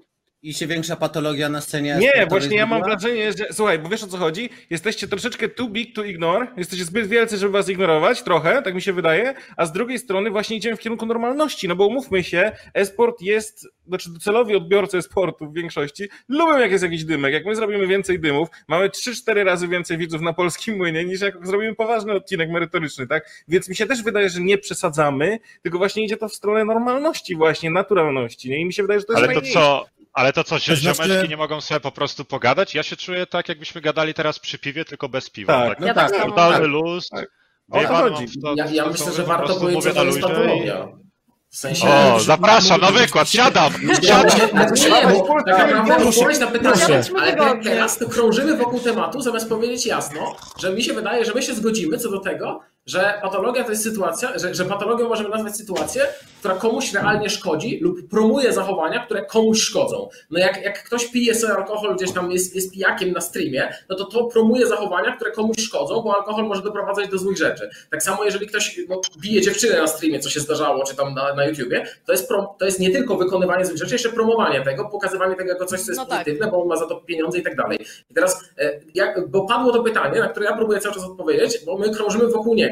Na takiej zasadzie, że gdzie jest ta granica? No granica jest, kiedy nikogo nie krzywdzisz. Jeżeli my sobie klniemy, gadamy, coś tam sobie pośmieszkujemy do siebie nawzajem, ktoś komuś szpilę wrzuci, co już nieraz się zdarzyło, jakby nikt nie czuje się urażony, nikt nikogo nie skrzywdził i wszystko jest w porządku. Teraz nazywanie tego patologią to jest już zmiana znaczenia tego słowa, mi się wydaje, bo jednak patologią byśmy określali coś, co przynosi jakieś negatywne realnie konsekwencje. A tutaj nie ma tych Ale dobrze mówisz, że promujesz, że, że ten, że, że są promowane jakieś zachowania, to zawsze ci może ktoś wyskoczyć, że tak jak chłop, który bije dziewczynę, to poniekąd promuje przemoc wobec kobiet, więc nie godzimy się na to, ale jak na streamie, nie wiem, ktoś się odezwie do kogoś, ty kurwo, no to też mm, promuje przemoc e, słowną i wydaje mi się, że e, no, przyjebać jest łatwo o wszystko i to, i to jak ktoś chce, no, daj mi człowieka, znajdę ci na niego haka, to jest, to jest na takiej zasadzie, no nie da się być w 100% poprawnym politycznie, bo musiałbyś być wtedy nijaki. Nie możesz zachować jakiejś swojej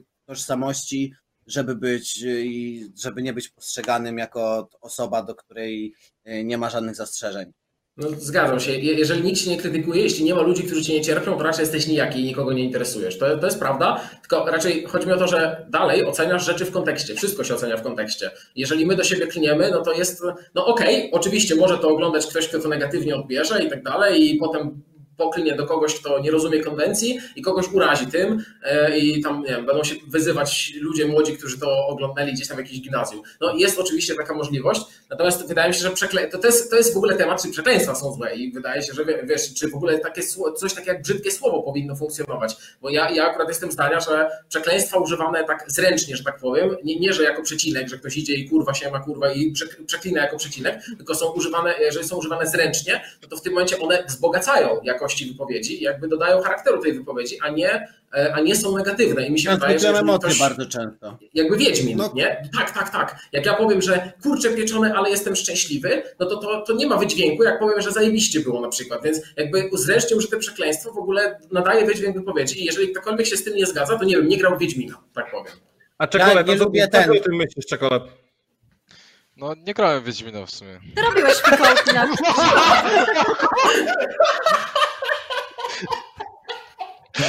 Jak on ćwi? Ty to chyba Ogólnie- zaskoczyłeś. Tak, takie, takie Jeżeli chodzi o co? granice, Nie wierzę to w to. O kurwa, no jest przesada. Ja tylko powiem, że dla mnie granica to jest mowa, taka totalna granica, że, że, że nie, nie szanuję takiego kontentu, to jest mowa nienawiści, jak się dzieje krzywda, czy to człowiekowi, czy to z- zwierzęciu. To jest takie, to już po, wszystko Czy tym. kurwa, to Jest difference? Ja, Nie, ja bo mi się rozumiem jak taki rzeczy. Polak mówił, że tego. A mianowicie te- Polak. to jest takie cesowanie odpowiedzialności z wychowywania dzieci na losowe osoby w internecie. Czyli moje dziecko przeklina, bo ogląda kogoś, kto przeklina, moje dziecko robi to, nie wiem, zacznij wychowywać swoje dziecko, bo być może jesteś matołem, a nie rodzicem. I to, to jest, ja bym internet cały czas ludzie do tego, do, e, cały czas przyrównują do, cały czas przyrównują do, do telewizji. Ja oglądałem filmy, gdzie się strzela i nie mam ochoty nikogo zabić. Ja oglądałem filmy, e, gdzie były przekleństwa i nie wydaje mi się, żeby to jakoś e, wpływało na to, że, że przeklinam, gdzie była mowa nienawiści. Oglądałem filmy historyczne, gdzie różne rzeczy również się działy i nie mam uprzedzeń rasowych do niektórych ludzi, więc e, to, że powiedzmy Hachi prowadzi streama, gdzie przeklina i nawet tam już coś by się działo, co, co nie byłoby takie mm, pospolite, czy jeszcze e, zamykałoby się w jakichś normach, to weź to kurwa wyłącz. A jeśli twoje dziecko to ogląda, no to może zainteresuj się, e, co twoje dziecko ogląda. Ale to przecież, ale to cz- czasami nie jest tak, że dzieci, które chodzą do szkoły normalnie przeklinają na przerwach i, i dzieją się tam jeszcze Oczywiście, gorsze ja miałem rzeczy. 4 lata i, I nawet, i, I nawet jakieś takie prześladowanie dzieci, więc no ja nie wiem, mi się wydaje, że kurwa ludzie, którzy tak myślą, są Ja nie miałem prostu... internetu w czwartej klasie podstawowej, a, a, a do nauczycielki zdarzyło się komuś powiedzieć słowo na K. No tak, ale zresztą jak nie podoba się to rodzicom, to niech, nie wiem, są jakieś tam filtry, nie? Żeby zablokować stronę i tak dalej. Niech, niech zostawi gry.pl i tam jeszcze jakąś inną stronę i chuj, niech sobie dziecko żyje, nie?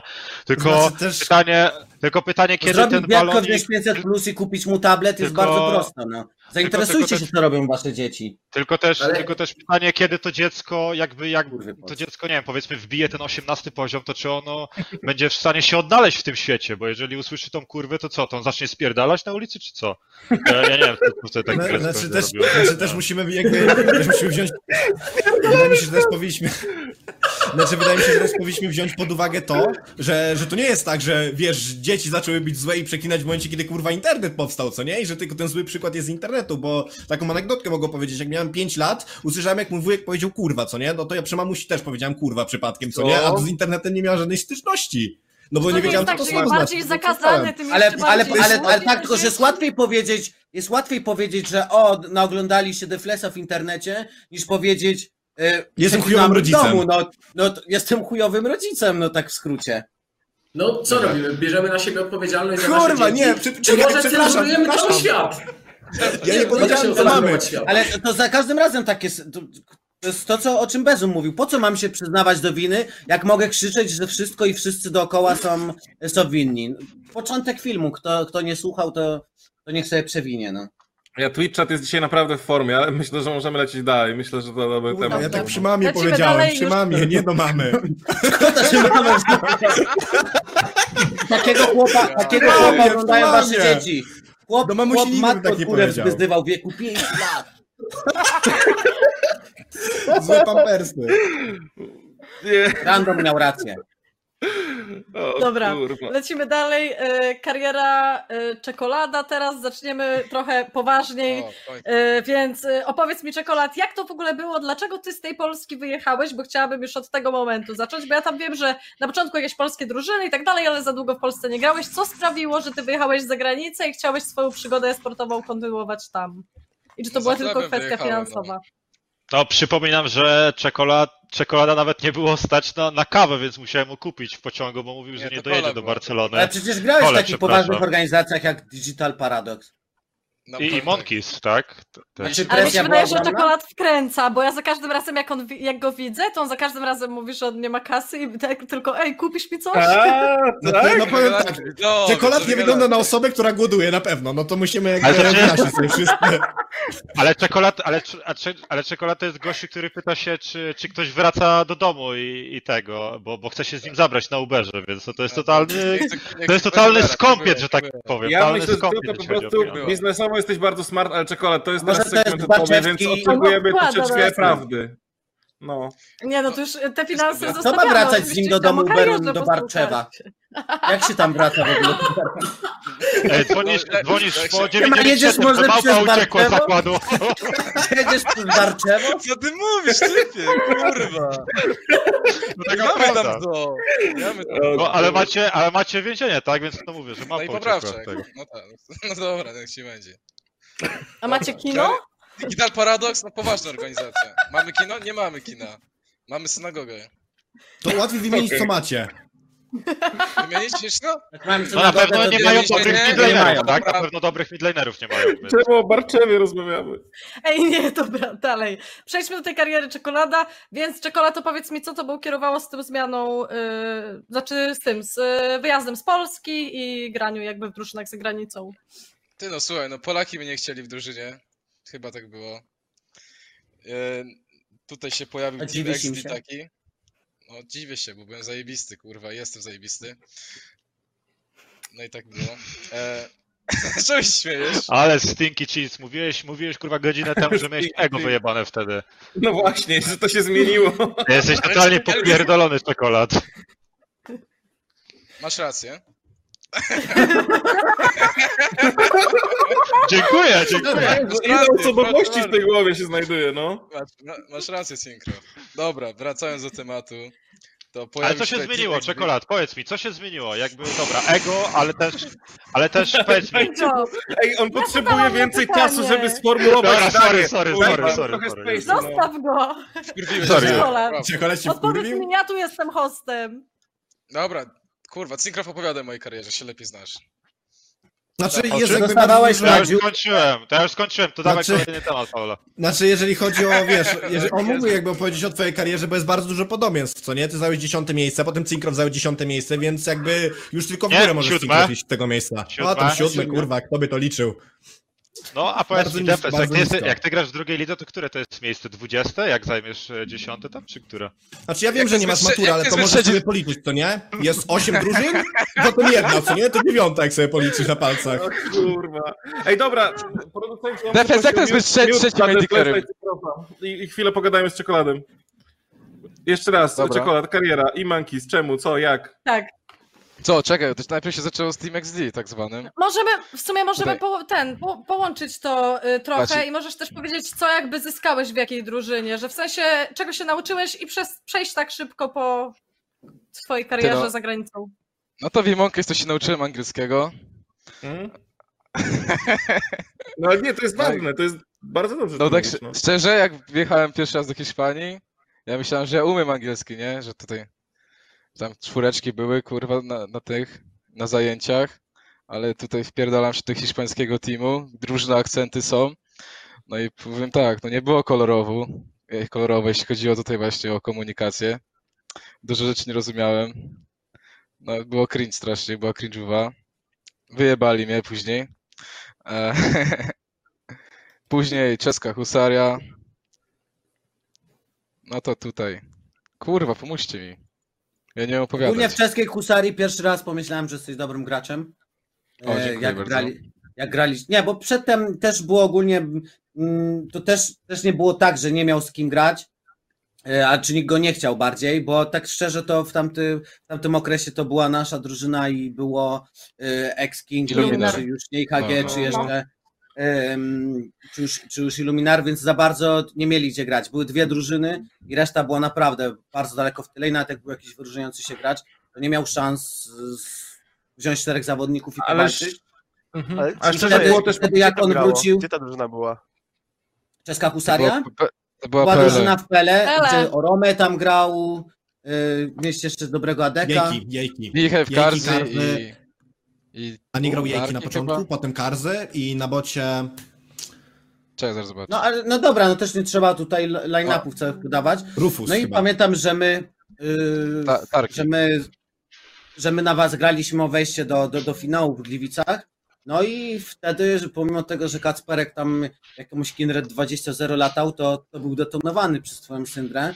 I To jest prawda. po tym, po, tym, po tym meczu, po tej ogólnie, bo to chyba było trójka była, pierwszy raz tak stwierdziłem, że jesteś dobrym zawodnikiem i nawet kiedyś przyszedł, e, kiedyś z, z czekoladem były rozmowy po, na Ultraligę 1, żeby tutaj drużynę zrobić, e, ale jednak się to nie wydarzyło. No ale wtedy I- i Monkeys więcej tak. płaciła. No więc... Znaczy nie, ja po prostu stwierdziłem, że nie chcę, nie, stwierdziłem, że nie chcę mieć z wami nic wspólnego, więc No, Słuchajcie, to, to też jest jeszcze, to jest jeszcze taka kwestia. Mm, Wtedy, tak jak Nitro mówi, ekosystem działa troszeczkę inaczej, bo jeśli mieliśmy tylko Illuminar i Pompę, czy tam tylko Team Kinguin i tam Pompę, czy coś takiego, to kwestia wyglądała tak, że tam nie było takiego czasu, żeby sobie stabilnie budować teamek przez dwa lata, czy przez rok, tam na następny styl będziemy lepsi. Tam były dwie organizacje, które płaczą, płacą, Boże, płacą, płacą i po prostu My musisz- płakaliśmy, tak. tak, oni akurat płakali, ja akurat tam ten. Ale, ale ten, chodzi o to, że generalnie trzeba było wygrać. Tak, trzeba było wygrać każdy kolejny turniej, więc nie było czasu jakby na to, żeby rejzować sobie tych graczy. Miałeś tylko dwie orgi, nie było tak, że ktoś tam inny mógł to zrobić. I z czekoladem to. Ja nawet z Cinkrafem wielokrotnie miałem te rozmowy kiedyś w przyszłości, bo teraz tak, jacy byli polscy midlanerzy? No trochę pizdy, szczerze mówiąc, jeśli chodzi o ten gameplay, tak? Bo mieliśmy wszystkich takich Zostaw Sebusia, on już się dużo nacierpiał. no, Ja tego nie powiedziałem, ja w życiu bym go tak nie nazwał, ale skoro go wywołałeś do tablicy, to pewnie coś w tym musi być, nie? Ale poza tym byli też inni zawodnicy, którzy grali bardzo Tak. pasywnie, nie?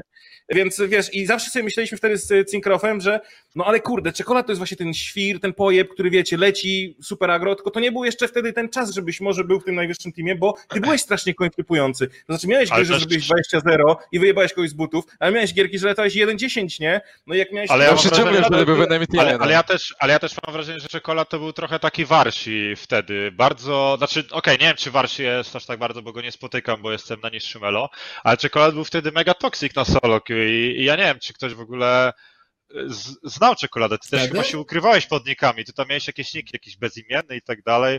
Ja nie wiem. Ani ty- czekoladka. Naprawdę, ty, o, ty się cały czas tam ukrywałeś pod tymi nikami, więc no nie wiem. Tak, z, z tego co pamiętam, to po prostu kurwa byłeś taki useless, szczerze mówiąc, wtedy. Jeśli chodzi o Solok i ogólnie, nie? Więc to chyba też dlatego że żadne polskie drużyny nie No. chciały go brać.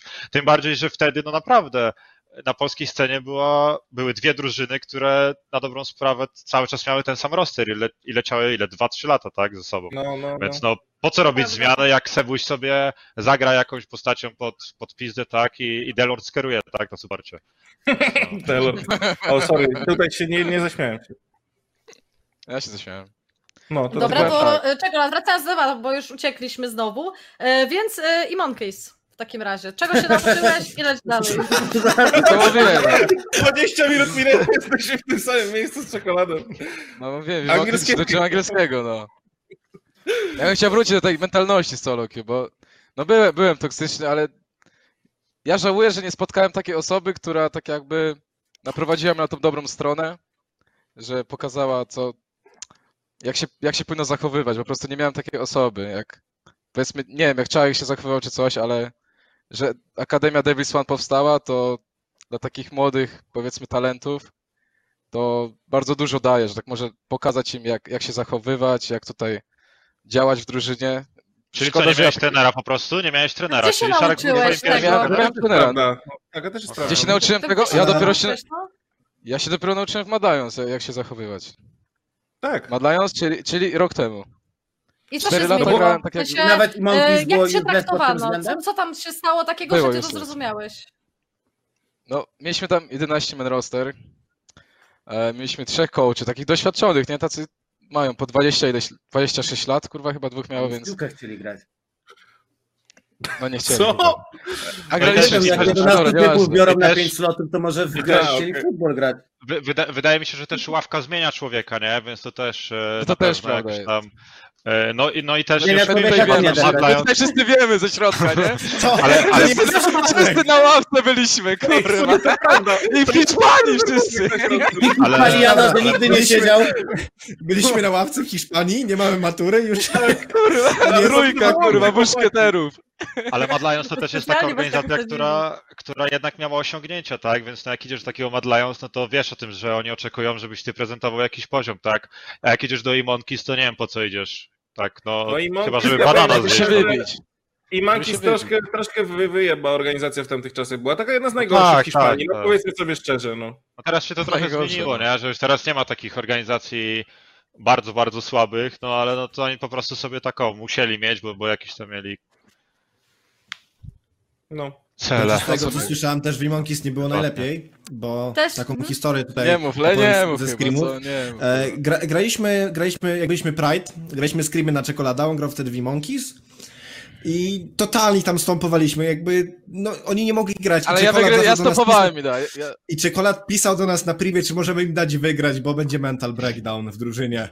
No i oddaliśmy tam jedną gierkę, ale naprawdę musi być niesamowicie, jakby nie chcę, żeby to zabrzmiało śmiesznie, chodzi kurwa, jest zajebiście śmieszne, ale naprawdę musi być strasznie słaba struktura w drużynie, żeby do czegoś takiego dochodziło, że jest taka słaba atmosfera, że przeciwnik cię prosi, żebyście mu dali wygrać. Jakby to jest naprawdę... Dobra, czekolada, Coś nie tak nam drużynie. teraz tą gierkę w Ultralize, dobra?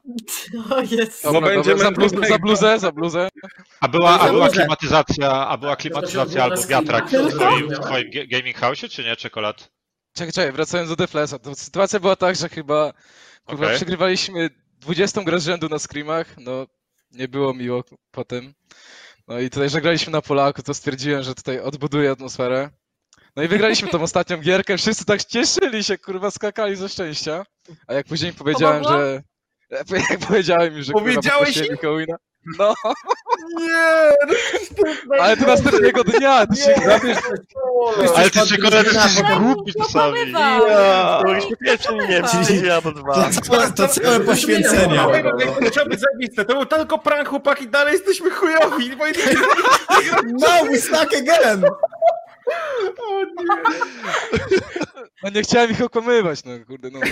Dobra, no to teraz, podsumowując, kończąc swój temat, E, powiedz mi w takim razie, co się zmieniło w tym Mad Lions i dlaczego akurat tam jakby e, dopiero nauczyłeś się tych rzeczy, które chciałbyś poznać dużo wcześniej? A badając przede wszystkim nauczyłem się tak jakby komunikacji, bo miałem tutaj doświadczonego midlanera Pritiego, który był uważany za jednego z najlepszych właśnie kandydatów do LEC. I po prostu na. No dokładnie. Chociaż dostał stąpa na, na tym, na Masters, ale no nieważne. E, I po prostu na oficjalnych gierkach, jak i na screamach, często po prostu za nim siedziałem, takie krzesełko miałem. No i słuchałem, co gada chłopek i, i wszystko, co zapisywałem w głowie i później no, wykorzystałem te informacje i wydaje mi się, że to właśnie był największy właśnie taki no kurwa ten. No wiecie, o co Kurwa, tak jest. Nie, no, kurwa, czekolad, dobrze to powiedziałeś, no. No No, rozumiem. wiecie o co Wiem o co chodzi. chodzi. Dobra, no to przechodzimy teraz w takim razie do tematu Ultraligi, skoro już zaczęliśmy mówić o czekoladzie i e, trochę ominiemy dzisiejszych tematów, bo strasznie Tak, tak, dużo tak. mówicie. I e, chciałabym teraz, żeby pokazała się tabela wyników Ultraligi, którą e, mamy O, drugie miejsce! I Czekolad dojedziemy rzuca, to, No, co się zobaczymy. rzuca Za tydzień. na początku od razu, to to, że Agorok 4-0, jakby okej, to Drive 04. można było się spodziewać. Nie zmienia się nic. Też można się O tym jeszcze możemy porozmawiać, ale to zaraz. Myślę, że bardziej nas ciekawi ten środek tabeli. E, Więc w środku tabeli to, co moim zdaniem jest dosyć dużym zaskoczeniem, to kick na czwartym miejscu. I jak myślicie, możemy schować na razie tabelę? Na razie pogadamy o kick na czwartym Zobacz, na miejscu. kogo nie przegrali. Więc- Przegrali na Ago i przegrali Właśnie. na nas. Na was. Y, To prawda, ale czy to myślicie, że jest jakby start sezonu i nie zwiastuje to jakichś większych problemów? Nie, Y, byliśmy takich, lepsi. czy- co myślicie? No, Znaczy ja myślę reszta? też, że Kick, ja, ja myślę też, że Kick to jest drużyna, która jednak wybiera kompozycję pod early game i to są kompozycje bardziej ryzykowne. Wiadomo, jak Trymbi gra 3 czy 4 razy Yumi, no to kurwa co, no nawet jak zintujesz 30 razy na przykład Zanzara, no to po prostu wyskalujecie się w pewnym momencie, bo macie czekoladę na midzie, tak? Macie Syndrę, macie Korkiego, więc te kompozycje wybaczają po prostu błędy, tak? I i nie wiem, czy to w ogóle oddaje jakby, nie wiem, czy ta tabela coś, coś oddaje, nie, nie wiem, czy to świadczy o poziomie jakby drużyn. Wydaje mi się, że, że to jest naprawdę nadal totalny chodzi mi konflikt, te, te tutaj o pierwsze poziom, cztery bardziej Zobacz, tabela może nie oddaje, ale chodzi mi o jak to, enemy drużyny oddają Yumi, Trundla- sezon, Robimy No tak, tak, nie sprzedawaj, nie sprzedawaj, kurwa. Znaczy, Nie chciałbym taką ciekawostkę, chciałem taką ciekawostkę dać na temat Ice Beasto. Wydaje mi się, że każdy powinien to wiedzieć, że Ice Beasto, on jak jest sezon, nie za bardzo lubi grać w Lola. On chyba nie za bardzo gra i on lubi sobie w Valoranty pograć w inne gierki i Ice Beasto bardzo skaluje przez cały sezon. I tak naprawdę tak Polski długo, żart. jeżeli nie jest, tak, tak długo jak nie jesteś poza playoffami, podczas sezonu regularnego, to nic nie zmienia, bo ważne jak się pokażesz na playoffach i wydaje mi się, że Kick bardziej z takiej perspektywy wychodzi, że oni po prostu lepiej zagrają na, na playoffach i teraz mogą poprzegrywać. Wiem, że Cinkrow w twoim przypadku się tak nie udało, ale wydaje mi się, że Kick dadzą radę, bo jest mniejsza konkurencja. Ale No też- jak ja bym miał takiego gracza, jeśli to co mówisz jest prawdą, to jakbym ja miał takiego gracza, to bym mocno naciskał, żeby go wyrzucić, bo ja chcę mieć gracza, który chce być jak najlepszy, a nie gra w inne gierki. Tak Ale ja, się, ale, ja się nie zga, ale ja się nie zgadzam z tą bezą, bo co jeśli Ice Beast to jest osoba, która wypali się pod koniec sezonu, a to wtedy chcesz go mieć w najwyższej formie. Nie, nieważny To jest prawda. regularny sezon. Regularny sezon nie ma znaczenia i uwierz mi, że, że jakby powielisz moje słowa wraz z doświadczeniem, a które, które zdobędziesz, naprawdę nie ma znaczenia ten regularny sezon. Liczy się tylko to, jak gracz się czuje na koniec sezonu. Przykład na przykład G2. Ok, może to jest co innego, tak, Ultraliga, Awardsy, ale też każdy gracz podchodzi No, inaczej do wypalenia, tak? No. I też każda osoba jest zupełnie inna. Są osoby, które dla nich granie w inne gry jest lepsze, bo dają z siebie 100% na scrimach i, i powiedzmy po tej 19 czy 20 mają już czas wolny i wolą sobie wyjść na miasto i tak dalej. Więc naprawdę gracze są różni. I też wracając jeszcze do agro, wydaje mi się, że że jakby trenerzy z przeciwnej drużyny bardzo słabe przygotowanie. Ja nie wiem, czemu oddają Trundla, kiedy Zanzara jest mega oraczem na Trundlu i miażdży 1v9. Dobry jest, nie? Dobry no mam nadzieję, że zbanują Trundla Rexa i wtedy zobaczymy, co się stanie, tak? I to tyle. Ale do tego, co powiedziałeś jeszcze, No. generalnie, no ja zgadzam się, że są różne osobowości, jakby może być jakby to się nazywa, zmęczenie materiału, to znaczy nie możesz grać tylko w LoL'a, po prostu się, no wszy- wszystko wskazuje na to, że jak masz 10 godzin i chcesz, żeby chłop był produktywny, to lepiej mu powiedzieć, żeby 4,5 godziny pracował, 4,5 godziny pracował i zrobił godzinę przerwy, to będzie w te 9 bardziej produktywny, żeby 10 zasuwał, tak? To jest prawda, tylko z tego, co Defles powiedział, to ja odniosłem takie wrażenie, jakby on aż za dużo grał w te gry i w tym momencie ja nie mam takiego podejścia, że a jak on na playoffy mi się odpali, to wszystko w porządku. Jeżeli moją ambicją byłoby, znaczy, no jeżeli teoretycznie miałbym mieć skład, który po prostu ma wygrać w Polsce i gdzieś tam się pokazać dalej trochę, no to jeszcze w porządku, ale ja po prostu nie wiem, ja, ja chciałbym, żeby moi gracze po prostu aż tryskali energią i byli pasjonatami do Lola, w No- sensie... No ja dobra, a to potrafię- powiedz mi bez że, ale, e, ale czemu w tak, jakby- ale chwila, chwila, bo ja, ja, chwila, Defes, to Dobrze, to ja czemu po w to takim chcę razie, dobrze? to czemu w takim razie Tabasco ma tylko Ja trzeci. 170 gierek, czy czemu Tabasco ma w takim razie tylko 170 gierek na, na solo queue, czy tam 190? Tabasco To ma jest bardzo 2000 mało. gier na Soloku i ma trzy konta, które nie są publiczne. Ma, Aha, ma, czyli ma nie są konta. Zapewniam. Okej, dobra. Ja, ja bym chciał dodać jakby... Jest to zamknąć wiele wyżej temat- niż jest na LoL Prosie na przykład. No bo ja bym chciał zamknąć ten temat Icebeasto, bo wydaje mi się, że za bardzo się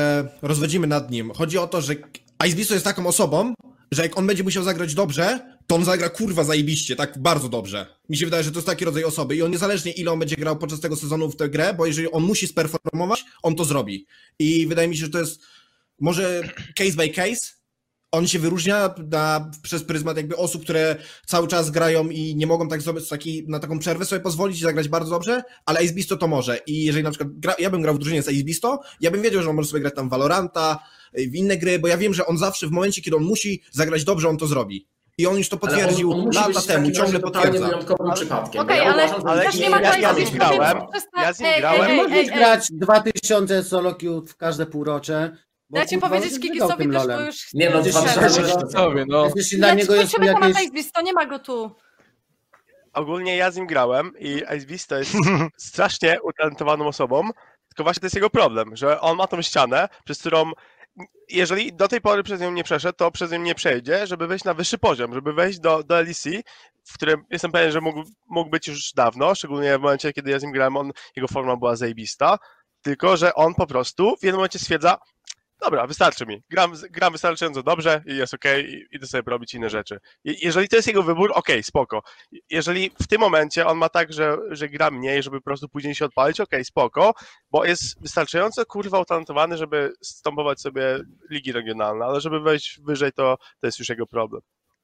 Ale też Okej, wydaje mi się, że to- że ty jesteś... Ale chciałabym i tak odejść sorry, od no, no. y, tematu Icebeasto, bo... Nie, nie, nie, ja, nie chciałem o dyskutować, Icebeasto. ja po prostu- Okej, nie, nie, ja nie chciałem okej, o a co Icebeasto. chcesz powiedzieć? Znaczy, Ja bym chciałem, chciał- chciałem, ja chciałem, chciałem powiedzieć o tym, że ty też Bezu masz zawodników dość młodych, nie? Poza Tabasco w drużynie, Tak jak jest. jeśli chodzi o drużyny.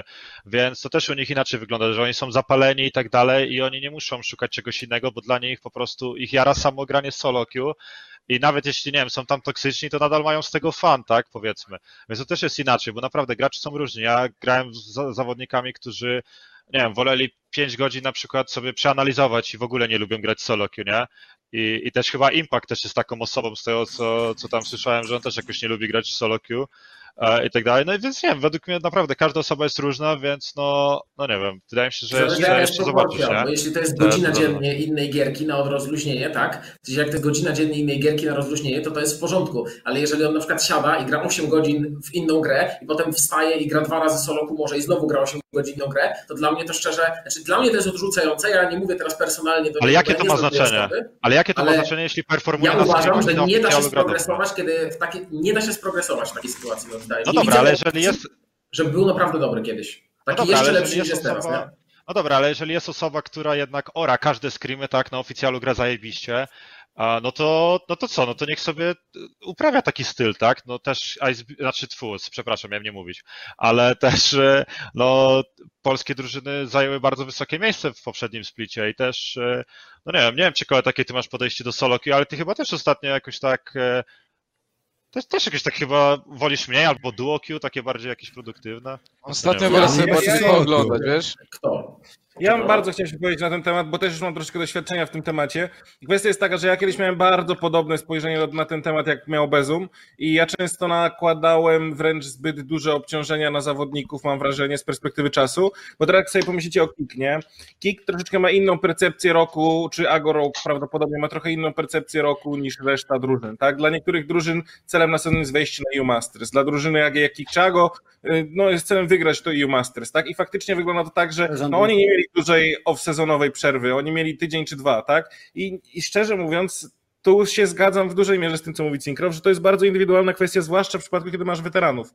Ja poznałem bardzo dużo teraz zawodników na poziomie LEC obecnie i to też się zmieniło względem paru lat te temu, z, te z tego co wiem, i ten balans jest dużo mniejszy. Generalnie gra się dużo mniej teraz z tego solo queue, chociażby, niż, niż na przykład kiedyś się to robiło, tak? Jest dużo większy balans. też chyba trzeba, teraz- nie? Teraz. Kwestia tak, ale kwestia tak, no, dużo częściej na przykład wystarczy sobie jakąś gierkę obejrzeć czy coś, tak? Inna kwestia jest taka, w jaki sposób dalej progresować można.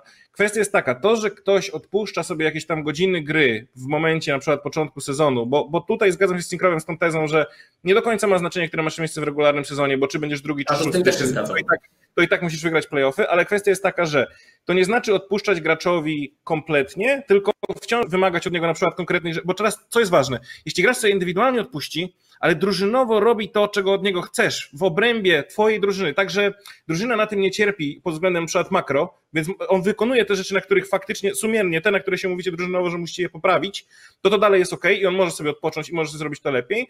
Gracze też, to bardzo dużo mnie nauczyła ta praca z, z psychologiem sportu, z Natalią zresztą, jak te, te same schematy powtarzają się w sportach tradycyjnych, jakie pojawiają się we sporcie i są faktycznie zawodnicy tacy, którzy faktycznie muszą po prostu robić więcej przed samym turniejem, a na długi czas od turnieju grają mniej. I to jest bardzo indywidualna kwestia, którą tam są badania na to. My mogliśmy robić takie badania na, na ten temat, który gracz jaką ma tendencję, te- testami w ogóle niezwiązanymi ze sportem i one się bardzo pokrywały z tym, jak gracze potrzebują w tym działać. Więc to jest kwestia indywidualna, ale naprawdę esport odszedł już od tego świata, że gracz musi chcieć napierdalać bardzo dużo w grę. Właśnie tendencja teraz zmienia się bardziej w stronę, że gracze grają mniej i przez to grają lepiej.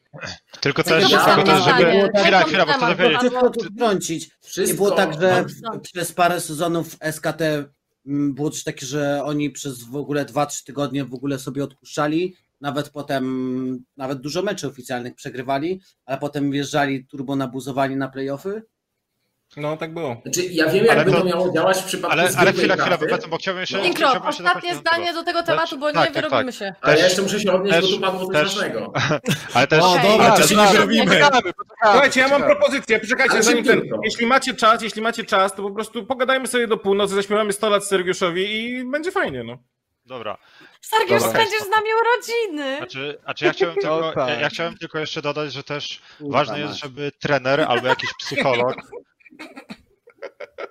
E, mogę już? Kiedyś rekordy E, pobijałem, miałem przyjaciół. E. Ważne jest też, e, ważne jest też, żeby trener czy, czy jakiś psycholog a ocenił to, czy ten gracz faktycznie lepiej działa, kiedy nie gra tego solo queue. Bo jeżeli gracz nie zna siebie i powie, że dla mnie lepiej to jest nie grać solo queue, a na scrimach intuje, no to, no to jak można ufać takiej osobie, tak? To musi być jakoś tam przeanalizowane i to nie Tak. może być tak, że to musi być wzajemne zaufanie, że gracz powie, ok, to ja zagram mniej solo queue, ale dzięki temu zobaczysz, że na scrimach się bardziej staram albo coś. To musi być taka wzajemna relacja. Wydaje mi się, że to jest najważniejsze w drużynie, żeby po prostu rozmawiać ze sobą.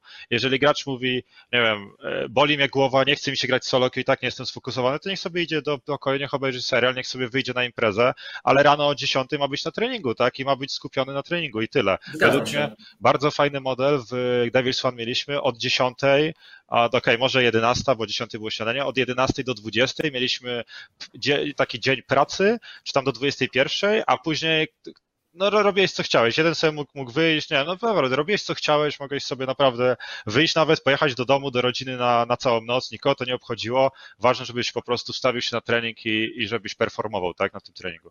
Znaczy, ja się zgadzam z tym, że dopóki wykonujesz swoje obowiązki prawidłowo, to nic nam do tego, co robisz po nich, tak? No to jest prawda. Tak. ta, można by tak powiedzieć, że ja bym tak powiedział, tylko tutaj została, ja przynajmniej tak to odebrałem, bo ja nie znam Aizbisto i po tym, co Defles mówił, ja to odebrałem w taki sposób, że jest to wręcz przesada, to co on robi. I powiem tak, to co e, Hachi powiedział, czy, czy tutaj było nakreślone, że SKT tak robiło, że robiło długie przerwy, ja wiem jak na przykład jeżeli chodzi o psychologię pracy, czy chodzi chociażby to, jak działają ludzie, nawet organizm, takie podstawowe informacje. Ja wiem, jakby to miało działać w przypadku zwykłej pracy, na przykład fizycznej, czy po prostu nawet, nawet intelektualnej, to rzeczywiście nawet y, jest takie coś, że według badań, które ja tam sprawdzałem, to chyba na rok 2019 nawet było coś takiego, że y, pracownicy w korporacjach byli przymusowo wysyłani na urlop. Jeżeli nie wzięli tego urlopu, który mieli, to mu im wciskali przymusowo to, bo wtedy on będzie bardziej produktywny, jak na, przez dwa tygodnie odpocznie. Jakby to, co wy mówicie, to są mechanizmy znane jakby ludziom, znaczy tak, tak działają ludzie, tylko nie sądzę, w sensie bardzo poddaję pod wątpliwość, czy ma to przełożenie na Lola. Dlaczego? Dlatego, że jest jedna zmienna w Lolu bardzo dużo pamięci mięśniowej, to znaczy mikroaspekty, nie, makro, nie to tam takie, takie jak się gra w tą grę, ale te wszystkie mikroaspekty, to jak klikasz, jak się tradujesz, takie maleńkie rzeczy, bazują moim zdaniem bardzo dużo na wyczuciu, to jest ta znajomość limitów, że ty przed rzuceniem speli wiesz ile zadasz, czy zabijesz, czy nie, to jest znajomość limitów, to po pierwsze, a po drugie, ta, ta szybkość klikania i te mikromechaniczne rzeczy. I mi się wydaje, że kiedy nie grasz dwa tygodnie w Lola czy trzy, to bardzo, bardzo spada. Jestem bardzo mocno tego przekonany. Ale to, nikt, to ale to nikt nie mówi, ale to nikt nie mówi, że ma nie grać dwa tygodnie. Jak grasz screamy i tryhardujesz znaczy, pięć... przykład SKT. Okej, okay, ja, jeżeli chodzi o przykład SKT, bo, ja, bo ja mam no. totalnie inne informacje i to z dobrych źródeł. SKT, oni zazwyczaj napierdlają cały sezon i mają 2-3 tygodnie po worksach, żeby sobie odpocząć. Nie muszą grać solo queue, niektórzy grają, niektórzy nie, ale i tak oni E, mają te 2-3 tygodnie, gdzie drużyny zazwyczaj nawet mają do 3 miesięcy. E, albo okej, okay, drużyny, które sobie gorzej radzą, nie? ale po łacach to zaczyna nie, masz taki miesiąc, żeby sobie zrobić przerwę, półtorej miesiąca. E, zazwyczaj pod koniec grudnia, można na początku stycznia drużyny zaczynają się zbierać i do tego, do gaming house'y zaczynają skrimować, gdzie w Korei masz 2-3 tygodnie.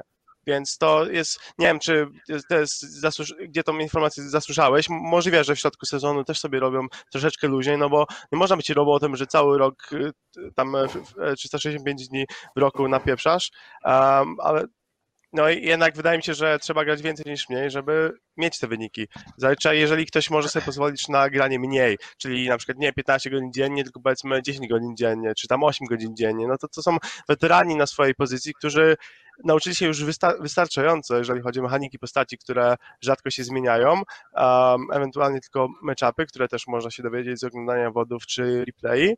E, do, co do makro, gdzie ok, są jakieś zmiany po, z sezonu na sezon, ale nie są one aż tak drastyczne, że, że właśnie trzeba cały czas napieprzać, więc bardziej e, jeżeli ktoś by już miał mniej grać, to bym się skłaniał do, do tych graczy, bo jeżeli ktoś jest nowy i teraz usłyszy, ok, nie muszę tyle grać, no to to jest główna prawda, bo ktoś, kto jest nowy powinien po prostu zapieprać tyle, ile może, żeby, żeby sobie wyrobić to, to prawda, wszystko. Prawda, prawda. Dobra, to jak, to jak to się wszystko znosi na to kick na czwartej pozycji? Tak, właśnie. To jest chyba bardzo ważne. Yy, że mogą mieć troszeczkę wyjebane i nic się im nie stanie. Przegrać. Tak, okay, przegrali czyli, na drużynę, które mogli przegrać. Tak. Prze, przegrali na drużynę, które mogli przegrać i koniec tematu kick. Pokażcie, pokażmy jeszcze raz tabelkę i tutaj jeszcze jest rzecz fajna, którą, na którą chciałam zwrócić uwagę, bo jak yy, powiedziałam o tym, że moim zdaniem yy, jest pompa trochę wyżej i jakby możemy zdjąć tabelkę i yy, trochę jakby niżej jest to hit i Illuminar, to jakby od razu bardzo mocno odrzuciliście hit, takie mam wrażenie. I ja, oni przegrali na razie tylko na Agorołk. Więc A na nie rozumiem, wygrali? dlaczego nie są roz... Na Na kogo wygrali wygrali? pierwszą grę. Na 45 Która też, na... która też była taka. Która też Mogło była taka. podobny to był poziom, no. Nie była mi to się, taka mi się pewna. wydaje, że my zagraliśmy słabo po 20 minucie i że gdybyśmy normalnie Okej. zagrali, to się nie wydarzyłoby. Po prostu. Wydaje mi się, że ja myślę, do na- 20 minuty kontrolowaliśmy, a potem nagle bam. Na dżentelmenów chyba wygrali na Pirate?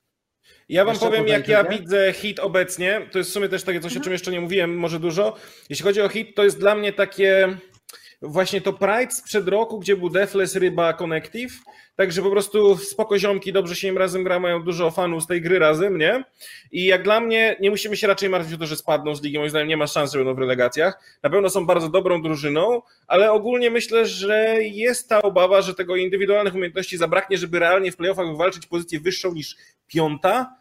Bo, czy czwarta powiedzmy. Oczywiście, że jest szansa na upset, że wygrałem jakiś właśnie mecz zajebiście i tak dalej, ale to trochę tak to widzę jako pride, na zasadzie, że te słabości, znaczy łatwiej będzie się, bo ja myślę sobie teraz tak, jak jesteś drużyną z Ultraligi, prawdopodobnie robisz lepszy tryhard, z tobą jako jesteś topową drużyną, jak grasz na inne topowe drużyny w stylu Ago, Kik i robisz faktycznie taką bardzo dogłębną analizę i naprawdę skminiasz jak to wygrać. Hit jest nowy, więc każdy na razie podchodzi na zasadzie, no zagramy, no nie są źli na pewno, ale to nie jest ten sam poziom skupienia i tryhardu, co kiedy grasz na Kik czy Ago Rogue. No tak to zazwyczaj działało. No więc, a na playoffach już jak ktoś się 110% przygotuje, bo jesteś hit i trzeba z tą wygrać, żeby przejść dalej, tutaj zaczynają się jakieś problemy, ale i tak hit na pewno bardzo na plus i na pewno zajebiście do tej pory, nie? A czy też są No tylko trzy sloty, też- tylko, tylko albo aż trzy sloty, no nie oszukujmy się. Kick, a, Ago, Pompa i, i Luminar to są drużyny, które muszą. No nie widzę innej możliwości, żeby one się nie znalazły w top 4, tak? Naprawdę będę mega zdziwiony, jeśli, jeśli to nie stanie, nawet patrząc na doświadczenie, tak, organizacji. A, no i, czyli i nie wiem, no, no nie oczekuję się. czarnego też- konia ewentualnie. Tak. Te, te, Piąte miejsce, te, czarny koń. no, wydaje mi się, że Może piąte, no bo też tyle- indywidualnie oni nie mają aż takich dobrych graczy w porównaniu do tych innych drużyn, według A mnie. ja bym chciał, żeby im dobrze poszło. Wydaje mi się, że Bucu się już w końcu należy. Ale co, chciałbyś, żeby lepiej poszło niż tobie? Chyba nie, Sergiusz. Znaczy, może nie tyle, ale na przykład kosztem, kosztem Mago to, to, to, to bym chciał. E, Pamiętajmy, że Bu- Bucu, Bucu też jak, jak tutaj dobre drużyny się, się formowało, on w sumie o tym wspominał, to on w Hiszpanii był. Potem jak przyszedł, no to, to grał z Bolszakami czy coś. No, no nie, nie miał łatwo, a uważam, że ma bardzo duże. Mhm. Jego skill jest dosyć dobry i zawsze się dziwiłem, czemu, czemu na przykład jakieś IHG, nie wiem, kosztem Nika w zeszłym sezonie mu nie dało szansy. Słuchajcie, jest jedna w ogóle ultra ważna rzecz, o której nikt naprawdę nie mówił.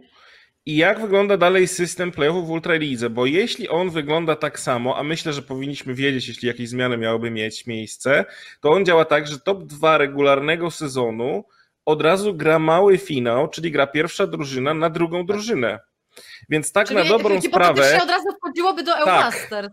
Top Tak. dwa drużyny No. z regularnego sezonu od razu są na EU Masters i o tym to nikt nie ciekawe, gadał. prawda? A to jest mega ciekawe, bo te BO1 mogą mieć 10 razy większe znaczenie, bo jeśli hit jakimś cudem się wpierniczy na top 2, to choćby dostali dwa razy 3-0 stąpa, to i tak będą na EU Masters, nie? Na trzecim Więc miejscu, regularny tak. sezon, tak, regularny sezon ma duże znaczenie tutaj, nie? A ja te informacje słyszałem, chociaż nie śledzę jakoś bardzo dużo, to mi się obiło, że pamiętajmy, że top 2 ma od razu. No, to Eurobasket, możliwe, że- możliwe, że to na kaście, Na może- kaście, Nie, na możliwe, że na kaście.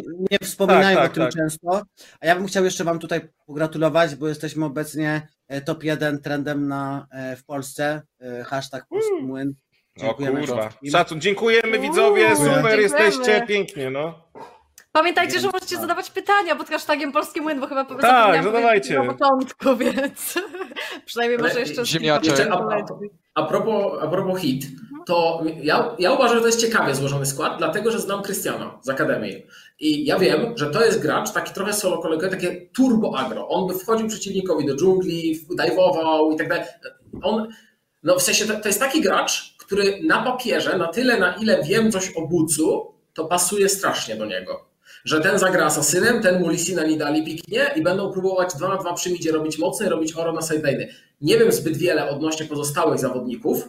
E, To, to, to są jacyś tam młodsi, część z nich już gdzieś tam była i tak dalej, E, ale, ale mi się wydaje, że to było, ono ma dużo sensu, tak na, na papierze, bo nie mam żadnych insight informacji od Krystiana, chociaż mamy kontakt i tam się lubimy dalej, ale po prostu my, myślę, że to może działać i teraz mi się wydaje, że kiedy oni są tacy nieokiełzdani, to na przykład ja mogę powiedzieć, że Krystian mechanicznie potrafi dobrze zagrać bardzo. To jest Mhm. gracz, który ci zagra, grał 3000 gier Nidali, grał 3000 gier Lisinem, ca, cały czas spami. Y, On, on, to nie jest tajna informacja, jak powiem, że on był znany jako booster, prawda? Bardzo długo. To nie, więc Co? To jest Co ty gadasz? Publiczne. Przedstawienie, przedstawienie boostera? A kon, No, a kon, Chris, witamy, witamy cię. U- Hashtag Ultraliga. mówimy. Ty się w babunie bawisz? Ma- Małpa Ultraliga. Nie ogląda. Ci przypomnieć, jak babunia skończył? Ale to pewnie Nie no. dawno, dawno temu. Znaczy, Ale to- odjebałeś. Znaczy- znaczy, ale- ale można wejść na filmik, to można datę sprawdzić. sensu dużo. Że to Usuńcie usuńcie wodę. A czy, też, a czy też z tego, co się orientuję, to Krysia jest też przede wszystkim bardzo dobrym e, ogarniaczem e, alt-tabu, tak? Czy tam drugiego monitorka, więc szacun, szacun dla Krysi, a jest bardzo Zdobył dobrym go? E, Oj, panowie. Chodzi o stream sniping, czy nie? Może, może dalej przejdźmy. W takim tak. razie jeszcze pozostając nadal w temacie hit, ale jakby uciekając od tematu boostowania i tak dalej. E, Czekolad, jak, jak wam się grało na hit? Bo mieliście niedawno na nich spotkanie. Czekaj, no powiem tak. Już nie pamięta na pewno. Czekaj, muszę. Kim, czekaj, kim ja grałem? Czekaj, zobaczyć szybko. A, Nie jeszcze chciałem, pytaliście na kogo grali. To na piratów, na dżentelmenów i na... O dobra, No to grałem Orianą, się. bo to grał. Najłatwiejsze mają już było. za sobą, nie? Mhm. No więc jak Czekaj, wam się co- grało? Na hit? No, co myślisz No na- o tej drużynie? No na hit była nuda straszna, z tego co pamiętam. A jakoś tak wiem, w, bardziej w zestawieniu z Illuminar może, żeby porównać te dwie drużyny? Która wam się wydawała silniejsza, jakby... Ostatnio chyba graliście na Illuminar, nie? No pamiętam, że ja grałem na hit, to se puszowałem mida cały czas. Tutaj musiał Krysia pomóc podpuszować, bo, bo, bo co nie dawał rady. A, a, jak, Illumina- robi, a, a jak robi Azir, czekolad? Powiedz mi na A turnieju. żołnierze Azira wiesz jak robią, czy nie? Co No nie, weź pokaż. nie wiem. Zapraszam Ej, słyszeliście, ej, słyszeliście, te, słyszeliście te ptaki? Tak, to mój, tak. A. Dobra, a, a na, to na tam? Sergiusz. Dobra, No, już, morda. Tak w porównaniu, hit do Illuminar. Czy duża była No różnica między tymi teamami? No Illuminar większą presję nałożyło w early game'ie i starali się przynajmniej mnie spaniszować, bo tak trochę disrespektowałem, ale no, jak wiecie, no nie dało się mnie złapać i ponieśli porażkę, nie? Więc... No, ty super jesteś. Tak, oddałeś Dziękuję, dziękuję. Jajka będziesz taki Przepraszam bardzo. Powiem ci, Ten powiem ci, że tu osobnik oddał First Blooda nam i jakbyśmy byli kompetentni, to byśmy bardzo dużo z tego wzięli. To był nasz błąd. a, na, Tak, a na topie mnie zapaliście tutaj. prawie? Zapaliście mnie na topie prawie, co? Wtedy tam. Nie Ale, ale, to, ale, to, ale to przez to, ale to przez to nie byli, ale to przez to nie byli kompetentni, powiedz nam Bezum. Przez to, że trener nie, nie przygotował najlepiej do pojedynku, czy co? Bo trener nie zakładał, że ten, zabiją midzie, wiesz? trzeba zrobić. E, tak. Cykrow go tak gryzie, skupię go. Myślę, Nie, dobrze. myślę, że nie. Ale to taki Nie, no rowerek malutki przy nóżce. A, to a, nie czy, jest a, czy ja to w ogóle, a czy ja to w ogóle cię mega szanuję, Bezum? Oglądałem tam niektóre te, te materiały, jeśli chodzi o psychologię i, i ciekawe, ciekawe rzeczy mówisz. Wydaje mi się, że tutaj jest Nie, potencjał na, ze, jest potencjał na. Zeturala, jest potencjał na Zeturala, nawet pod A to względem nie jest dla mnie komplement, Bardzo podobnie znam jest. Zeturala, nie wiem co mam myśleć o tym. O! To nie jest dobrze Turala, bo gadałem z nim raz, gadałem z nim raz i wydawał się bardzo spoko, ale nie wiem, czy to jest komplement? No Ja tak, bym no No, bezumny, Ze- niż- Lubimy naturala. Znaczy, znaczy Tak. Zetural wygrał Ultraligę w tamtym roku, tak? Czy tam? No właśnie. Znaczy, ja z nim Tak, gadałem tak. i przede wszystkim mi się wydaje, że to jest bardzo w porządku człowiek. Tak, tak bardzo Jest, spoko. jest. I to bardzo dobrze mi się z nim rozmawiało. Gdyby nie to, że ja miałem screamy i on, to byśmy gadali do, do nocy. Tak szczerze, mi się wydaje, że moglibyśmy spokojnie gadać cały dzień. Mi się Więc, naprawdę e, wydaje, że jesteście bardzo podobni, jeśli chodzi o charakter, serio. No Tak. właśnie, ja go na tyle nie poznałem, więc nie wiem. Znaczy powiem tak, ja szczerze nie lubię, kiedy kogoś się porównuje do kogoś, bo ja w sumie mam duży nacisk na to, że bardzo dużo, na przykład w młodości medytowałem, zadawałem sobie pytań tak dalej. Powiedzmy, to brzmi bardzo górnolotnie, ja tak szukałem siebie, nazwijmy to. To tak chyba nie, nie wiem, jak to inaczej określić. To brzmi jak jakaś tania historia, ale ogólnie chodzi mi o to, że jak ktoś porównuje kogoś do kogoś, to jest tak jakby już y, replikuje go, stawia go obok. W sensie nie wiem, ja wolę być bezumem niż kimkolwiek. No ale jednak. No, ale no, no jednak to ktoś Zetura tak samo ale- mówi właśnie. Ale na Ale pewno jednak- mieli, ale jednak ktoś wymyślił. gadułami, więc No tak, ale- ale ktoś jednak- gadać. Ale ktoś jednak też kiedyś wymyślił te wszystkie pojęcia, jeśli chodzi o psychologię, więc wydaje mi się, że tam w jakimś tam sensie naśladujesz tą osobę, która Dobra, to, to ale wymyśliła, wracając tak? do...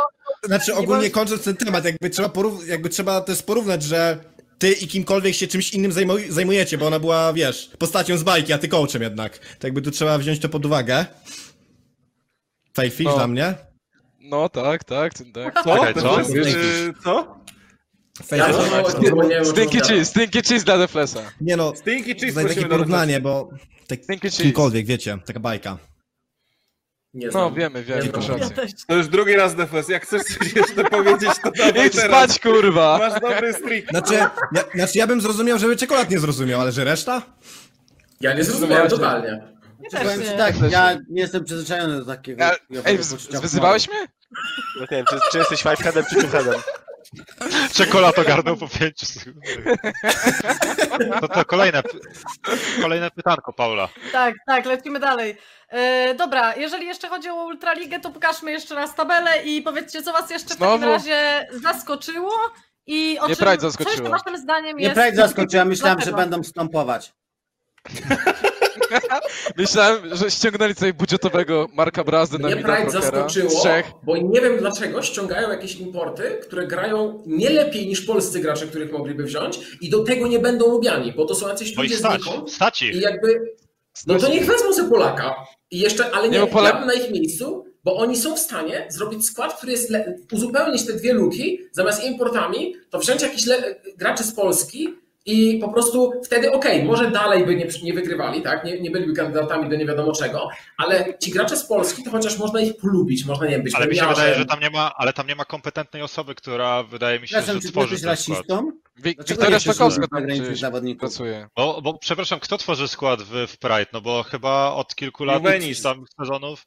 Aha, Juvenis. okej. Juvenis. Ale, Ju, ale Juvenis, Juvenis te- tworzył to- chyba dobry skład w, w przeszłości. Inspired- Tak, składał dobre składy. Katastrofa Składam dobre składy. Wenetki, tak? To Więc było- O, nie wiem, czy katastrofa. Agresivo, Erdote, to wiecie, no to są te rostery, nie? O. Ale to co się stworzył stało? Ale to czekaj, to on współpracuje z Pride już od kilku sezonów, czy, czy tak. co? Nie, od, od, od roku chyba jakoś tak, czy od pół roku. No takiego. No to może No, będzie ale lepiej, no z- nie wiem. Ale spójrzcie na to z innej strony. Mogłoby pięciu Polaków dostać pierdol, ale dostaje tylko trzech. Są plusy. Wow. Jakieś, jest takie Trzech Ja rozumiem, bo, A bo w pierwszej Ultralidze, gdzie Pride inauguracyjnie wjechało na sezon 1, oni mieli bardzo dobry skład, który tam chyba trzecie miejsce zajął. E, Fajnie się prezentował, właśnie Defles tam był, em, Connective, Ryba. Bardzo fajny skład. Ja nie wiem, czemu nawet nie próbowali zatrzymać e, ludzi, e, którzy, którzy im dali bardzo dobry wynik. A i od tego czasu, no Pride to takie. No, nie no, słuchajcie, nie? tak już teraz bez mema mówiąc, Nawet nie wiem, ja, tam gra tak szczerze, bo to- ja to wiem- ja czasu, wiem- nawet. ja wiem, że były próby pozyskania pewnych polskich zawodników, którzy z różnych powodów e, odmówili Pride. No i teraz ci sami zawodnicy grają w drugiej lidze. Czyli co, Pride to takie imonki z polskiej sceny, czy co, Haczy? Znaczy, no po prostu nie udało się im pozyskać tych zawodników polskich, których chcieli, nie? Z tego co No, wiem. Co, Rybson nie chciał dołączyć do importów, No tak, tak zakładając, ale już dobra. E, jeszcze taka ostatnia sprawa a propos Ultraligi. Co myślicie ogólnie o poziomie Ultraligi w tym sezonie? Czy faktycznie jest niższy? I e, bardziej pytam o to też w kontekście trzech slotów i tego, że będzie trzeba wysłać trzech re- reprezentantów na EU Masters i czy będziemy mogli wysłać na tyle kompetentnych, żeby pokazali się chociażby tak, My nie wiem, to tak. no nie, nie chociażby, ale mm, ba, bardzo na pojedzie? Masters, nawet Cosplay jeżeli niżej niż w poprzednim sezonie. Znaczy ja szczerze mówiąc cieszę się, że przede wszystkim jest takie odświeżenie, bo jest bardzo dużo młodych osób, które naprawdę na soloki sobie super radzi i, i te talenty, te młode zaczynają się yy, wykuwać, tak? Więc, więc to jest fajne. Żaden Ju, Juventus... Oj, Baker go na bait, taki typowy. Ale wleciał w bejta, nie. A, jeszcze czytałem Juventus, już wiedziałem, co się szykuje, o trudno. Kurczę, Paulo, mogę ci wyrwać troszeczkę z k- koncepcji, bo w sumie mam jedno bardzo ciekawe pytanie w tym miejscu Ultraligi właśnie. A Ultraligi? To da, No, dawaj, no bo, może, Bezum, bo tak się e, zastanawiam, Ostatnie będzie. Hmm? bo ty mówiłeś Bezum często, że nam kiedyś, wiadomo, nie interesowałeś się aż tak bardzo Ultraligą i kiedyś nie oglądałeś meczów Ultraligi, no teraz zakładam, że to robisz i Robię, jak tak no. patrzysz na drużyny właśnie grające w Ultralidze, kto tobie, znaczy jeżeli oglądasz, nie wiem czy masz coś takiego, znaczy w sensie ja na przykład to mocno odbieram, że jak oglądam, drużyny, to mam wrażenie, okej, oni ewentualnie, znaczy oni ewidentnie mają coś przepracowane i jest tam jakiś pomysł i widać to, że próbują coś zrobić, może nie zawsze wychodzi, ale jest jakby sens, zamysł. Kto u ciebie tak jakby najbardziej pozytywnie się e, teraz jakby zaprezentował z tych oglądania tych gier, że, że widzisz, że tam jest jakiś pomysł, coś nad czym pracują? Czy masz coś takiego, czy tak na to w ogóle nie patrzysz, nie? Może tego No tak tak. nie postrzegasz, nie? E, Powiem tak, mam tak, mogę mieć takie myśli, ale przez to, że to są takie, że tak powiem, e, no to są takie gdybania, to jakoś te Mhm. myśli, one przechodzą przez tą głowę i nie zatrzymują się w niej, bo ja myślę, Mhm, mhm. co ja wiem, co się tam dzieje i nie, nie No, no, zastanawiam no. się nad tym dłużej, ale jeżeli miałbym powiedzieć, tylko ja też, ja też pamiętam, że ja na przykład w Piratach znam dwie osoby z Akademii. Ja Mhm. nie ukrywam, no Piraci grają bardzo źle, bo stromowali dwie gry, ale ja wierzyłem, że oni mogą być właśnie piąci z tych czterech pozostałych drużyn, że będą na piątym miejscu, w sensie przed rozpoczęciem sezonu, tak myślałem. E, Może dlatego, że po prostu wierzę w swoich wychowanków, tak? No Kralzer to jest mój bobas, ja zawsze to powtarzam, bo to jest chłop, który miał jest? 15 lat wchodził do Akademii z Soloku i, i po prostu no, bardzo przywiązany byłem do niego. Więc ogólnie, jeśli myślę, że to, co mnie zdziwiło w hit na przykład, to to, że ja zakładałem, że właśnie ten Bucu i e, Krystian będą grali jakieś overagro typu będą, że oni nie mają dużo do stracenia, bo jakby nie są faworytem, są dobrzy mechanicznie i że oni będą na dive'ować pod dwoma towerami czy coś, a oni właśnie grają, próbują grać stabilne makro. No na nas, my się pogubiliśmy w prostych rzeczach w pierwszej grze, oni podchodzili pod barona, grozili nim, wymuszali tepę, odpuszczali, brali prajo, podchodzili. My za późno zrobiliśmy rotację, przez chwilę set stał na Cassiopeia, co jest niedopuszczalne. Lane assignment leżał na przykład. Spoko, Takie spoko. proste rzeczy i to mnie na przykład zdziwiło, bo ja patrząc na roster zakładam, że to będzie over agro, a oni grają Mhm. bardziej kontrolowanie i wydaje mi się, że właśnie tam jest pomysł, że, że właśnie makro próbują grać bardziej No i kontrolowanie. super, o, o to mi chodziło. No, no, no. No to czyli WoW A jeżeli chodzi o piratów, jest to, spoko. ja wiem, dlaczego tak jest w piratach. Domyślam się, inaczej. Domyślam się, dlaczego tak jest, że oni przegrywają, ale no nie powiem tego tutaj. W sensie, no po prostu. Okej, okej, no Jakby- spoko, nie ma no, problemu. mam przypuszczenia, że nie, nie na to miejsce. Ja też mam A reszta składów to nie wiem. Mówiłem, że cenię cię za bezpośredniość. Nie no, y, no zagrali źle, no po prostu. Y, Wydaje mi się, że Pride to jest solidny kandydat do 0,14, jak już tak mówimy. Tak szczerze. Wow. Tutaj się Nitro zgadza. To mo, mo, mocne, mocne słowa, ale dobra. A jeżeli e, ktoś a, ma a, mieć a, mogę 0,14? jeszcze, a mogę jeszcze takie pytanie odnośnie Ultraligi? Jeśli ktoś ma E, mieć do- do 0,14, to Czekolada. tylko Pride, Ostatnie. bo reszta już wygrała chociaż jeden mecz. Te- Teraz już tylko oni, ale właśnie Kurwa, dokończyć, the to bym powiedział, że przed sezonem bym powiedział, że tylko oni mogą mieć 0,14. Przed sezonem. Chociaż nie uważasz- a- nie- tam nie, nie wiadomo. Nie wiadomo. A nie uważasz, Czekolad, że Ultraliga, regularny sezon Ultraligi jest mega, mega nudny? I Kikis, nie No wiem, czy też jest, grałeś jest- w Ultralidze, Jest więc... boring Ja, ja mam wrażenie, że naprawdę jest strasznie boring w porównaniu do, do innych lig, naprawdę. Ja I to, jestem i to prawie naprawdę, i, pewien, to, i, to, Dlaczego nie, I to nie jest moja Ja opinia jest- tylko, to jest no. opinia naprawdę wielu graczy, z którymi rozmawiałem. Ale Ja to jestem prawie że tak, że Czekolad nie dałby rady, czekolad nie dałby Nie, rady chodzi o to, że jest- połowy graczy. Wła- Właśnie chodzi o to, że jest straszna dys, dysproporcja. Co, nie Mam da wrażenie, że wiek, większość tych tych zawodników. prostu Stąp. Z bottom Dalej nie znaczy, no, jakby ta liga jest nudna Tak? przez fakt, że wiesz kto wygra. No właśnie. Znaczy jesteś w stanie przewidzieć mniej więcej kto wygra i kto będzie na pierwszym, drugim, trzecim, czwartym, piątym i szóstym miejscu. A w A w innych ligach regionalnych tego nie ma. W Lecu jest to samo i większość meczy w Lecu są po prostu kurwa nudne, no są. Jeżeli Zawsze oglądasz są fanatyk chyba. albo Ditu, albo Znaczy, jakiegoś te akurat mecze są nudne. Znaczy, No, wczoraj nuda No jest fajne, bo tam nigdy nic nie wiadomo. Ale znaczy, jeśli chodzi o niemiecką ligę, to ja wiem tylko tyle, że Cinkrow będzie poza playoffami, tak? Ale reszta meczów jest ciekawe naprawdę, więc no, no nie No, no, bo nie wiesz co się stanie Ale- z tym i jakby... Ale w Ultralidze, ale w Ultralidze naprawdę mam wrażenie, że wali sti- sticky cheese, to prawda. Przecież są takie nudy. Gra Ago na Pride i przecież wiadomo co się stanie. Nieważne czy Jest czekolad taka się wyjebie była, ja 30 pierdolę. razy czy nie. I tak oni to wygrają, bo mają lepsze makro, mają lepsze podstawy. No nie, no nie chcę się nawet takiego czegoś ogro- Ale nie oglądać. uważam, że z każdą drużyną tak jest. Z każdą Nie, nie, nie, ja tylko Na mówię, że chodzi, chodzi o... Pompa na kick było świetnym meczem. Mi się bardzo Słuchajcie, Tak, ja ale jeszcze to są, raz ale to są, ja ale to są mecze, na powiem. które się czeka kurwa całe, nie wiem, Dobra, cały miesiąc na Cinkro, taki mecz. się czeka. słuchaj, Życie nawet to, nawet je, to powiedzieć. jest ta sama narracja, o której też bardzo wyraźnie mówiła Ultraliga i którą trzeba powtórzyć jeszcze raz. To jest ten No. split, że już z góry po pierwszym splicie było wiadomo, kto będzie top 3 i może ktoś się pojawi, że powalczy z nimi, ale generalnie już było wiadomo, że tutaj już jest, to, to są królowie. Ktoś z nich raczej wygra Ultraligę. I te wszystkie inne rostery mają mnóstwo tych młodych zawodników, którzy long term mają sprawić, że to w przyszłym roku będzie mniej oczywiste niż teraz, bo te wszystkie dzidziusie zdobędą sobie to doświadczenie i się ponapierdalają w przyszłym roku. I A jest miejmy nadzieję, że Tak mówię od Ale- trzech ale- lat, że ale- my zbieramy doświadczenie i No za rok właśnie. walczymy. A- Ale to No dobra, no ale kurde, ile w tym wydaje, splicie- co, co, co rok Nie. jest to samo. Dwie drużyny Ale się ile- napierdalają nie. o finał. Ale ilu masz dwie teraz w tej ultralidze teamu, znaczy teraz ile masz zawodników, którzy są nowi, których nie było wcześniej? No masz nie, ich no, dużo więcej niż w ale- poprzednich Ale mam wrażenie, no. że od trzech lat e, są naprawdę takie same ekipy. No tylko Illuminar się spierdoliło po też nie schodkach w jest dół, ciekawe? tak, ale, jakby... ale poza Słuchajcie, Illuminar, no to mhm. wydaje mi się, że... No sorry, sorry Bezum, ale tak jest, tak? Mam nadzieję, że to odmienisz, tak, teraz. Ja, ja, ja Ale- nie Dobra, ale Dobra, ale przepraszam, Ja się bez uśmiecham umaki sympatycznie. historycznie. Jak mam, Rozumiem. mam pytanie jeszcze w takim razie. Dlaczego Kikis, to ty rozpierdoliłeś Illuminar. I spierdolę Przepraszam Kikis, no bo byliście chujowi, nie? Ej, ale ja uważam, że to jest Dobra. dobry kierunek, że młodzi Jedna- przychodzą, bo je, jakbyśmy, tak jeszcze to na siebie. jakby, jakbyście, jakby, jakbyś, jakbyśmy trzymali tych samych ludzi w kółko i oni cały czas siedzą w tych, y, w ty, na tej samej pozycji i oni na przykład grają 3 lata, czy tam 3 splity, może nie 3 lata, ale 3 splity i oni nie są lepsi, to dlaczego my nagle, jak gracz jest 4 na 10 graczem, 4 na 10, 4 na 10, to dlaczego zakładamy, że on chociaż 5 na 10 będzie, a to jest jego maks w następnym splicie, a może będzie 3 na 10, bo się wypali jeszcze bardziej od ale tego też braku. Wydaje biorę- mi się, że to to, że te, te drużyny jakby, no nie wiem, że te pojedynki są takie łatwe do przewidzenia, na przykład, nie wiem, no chociażby Agorok na Pride, tak jak podaliście jako przykład, no to to też potęguje rywalizację między chociażby Ago i Kik, no bo jeżeli mamy dwie takie bardzo mocne drużyny, które orają każdego praktycznie w lidze, no to wtedy czekamy na to spotkanie, bo to spotkanie będzie już takie mega, mega ważne, bo wiemy, że te drużyny są na tak wysokim poziomie. I wydaje mi się, że to, że no zawsze będą lepsi i gorsi. I jak mamy kogoś po prostu, kto,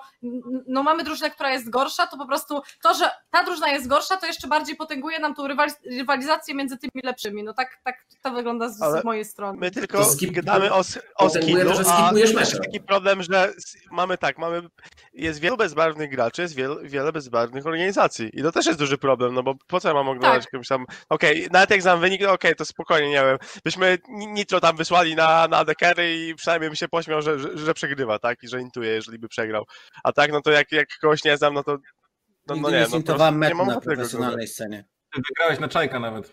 Ja wygrałem na czajka, musisz na Sumivaka mam A, ty- a ty Nitro nie zintowałeś lana jakiegoś w Częstochowie? Nie, A to nie o w tym nie rozmawiamy. w Kielcach. To był ten lan, na który o. się nie dostałeś, tak? Jesteś, jesteś No, ej, ty, ty czy mi nie? się wkurwił. Odpowiedz, Trybi, powiedz. Nie no, musicie albo Dawaj, grać dobrze, albo być lubiani. Wtedy was Dawajcie oglądają, Trymbiego na tak? młyn, no dawajcie, no. A Dobra, e, przechodzimy dalej. Dobra, czekolad wypierdalaj, jesteś za nudny. Daj Trymbiego. No wkurwiony jest. Dobrze, że nie słyszę. Słyszał? Dobra, chuj. zostawiamy Ultraligę, Co mnie wyzywacie? Nikt nie zostawiamy Wiemy, że jesteś wartościowym członkiem i że za tydzień przyjdziesz na nowo. Dobra, Nie przyjdę. Słuchajcie, zostawiamy Ultraligę i lecimy dalej. Druga dywizja Ultraligi. Jeszcze O ostatni mnie. temat już tak naprawdę, tak, to o tobie. E, Ale i tak chciałabym na początku zacząć od Kikisa, bo... e, O, no właśnie. O mnie. Dasz Był schować. post. Że posiadasz swoją drużynę w drugiej dywizji Ultraligi i to jest ten post właśnie, który mieliśmy okazję zobaczyć. Nie będę go czytać, bo jest dosyć długi, ale pewnie wiele osób e, go widziało, a jak nie, to macie okazję teraz go zobaczyć. E, Chciałabym się dowiedzieć od ciebie w takim razie, jaki jest twój plan na jakby na tą drużynę, czy ty chcesz Zastąpić budować Pride. swoją organi- organizację po prostu i chcesz zastąpić Nie pierdoli się w tańcu, Kikis, no. Ale tak Piotr, serio, w sensie-? Bo ty dalej Jest- grasz i czy ty Serio? znajdziesz To- czas na to, żeby zajmować się orgą i żeby jeszcze do tego grać dalej? Czy to jest jakiś plan na emeryturę? Jak ty do tego podchodzisz?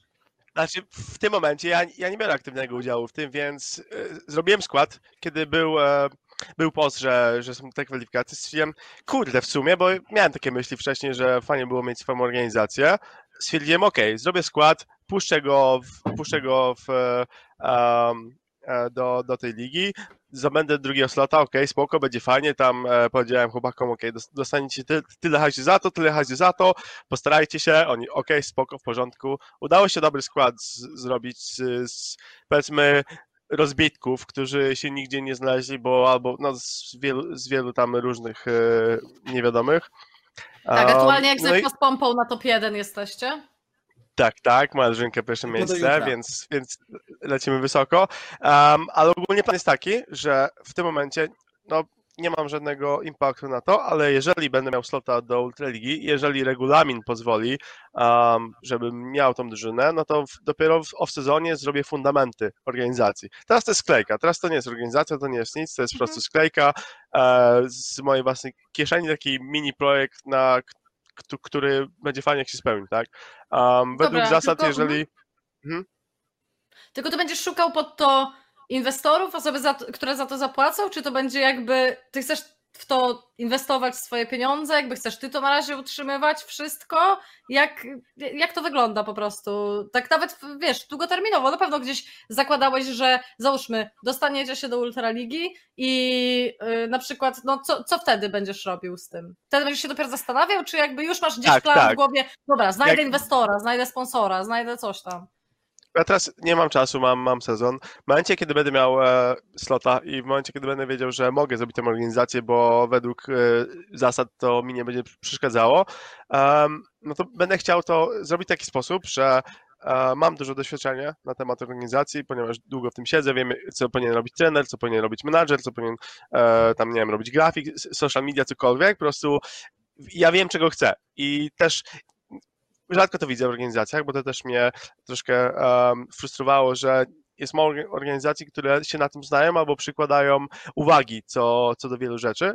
Ja po prostu chcę zrobić miejsce, które właśnie doda tej barwności, doda stabilności dla polskiej sceny i doda e, takie miejsce, gdzie ci gracze mogą wejść wyżej, że mają zapewnione wszystko, czego potrzebują, co, jak mówię, rzadko widzę na polskiej scenie i będą mogli skupić się na graniu. I, I taki jest plan. Czy jeżeli chodzi o inwestorów, sponsorów, to wszystko będzie dopiero e, ogarniane na, na miejscu. E, mam powiedzmy kapitał, e, żeby ten projekt poprowadzić, nie wiem, rok powiedzmy na, ze swojej własnej kieszeni. Um, ogólnie nie będę oczekiwał z tego pieniędzy żadnych, przynajmniej przez, nie wiem, pierwszy na przykład rok. No nie oczekiwałbym żadnego e, zysku z tego, to na pewno.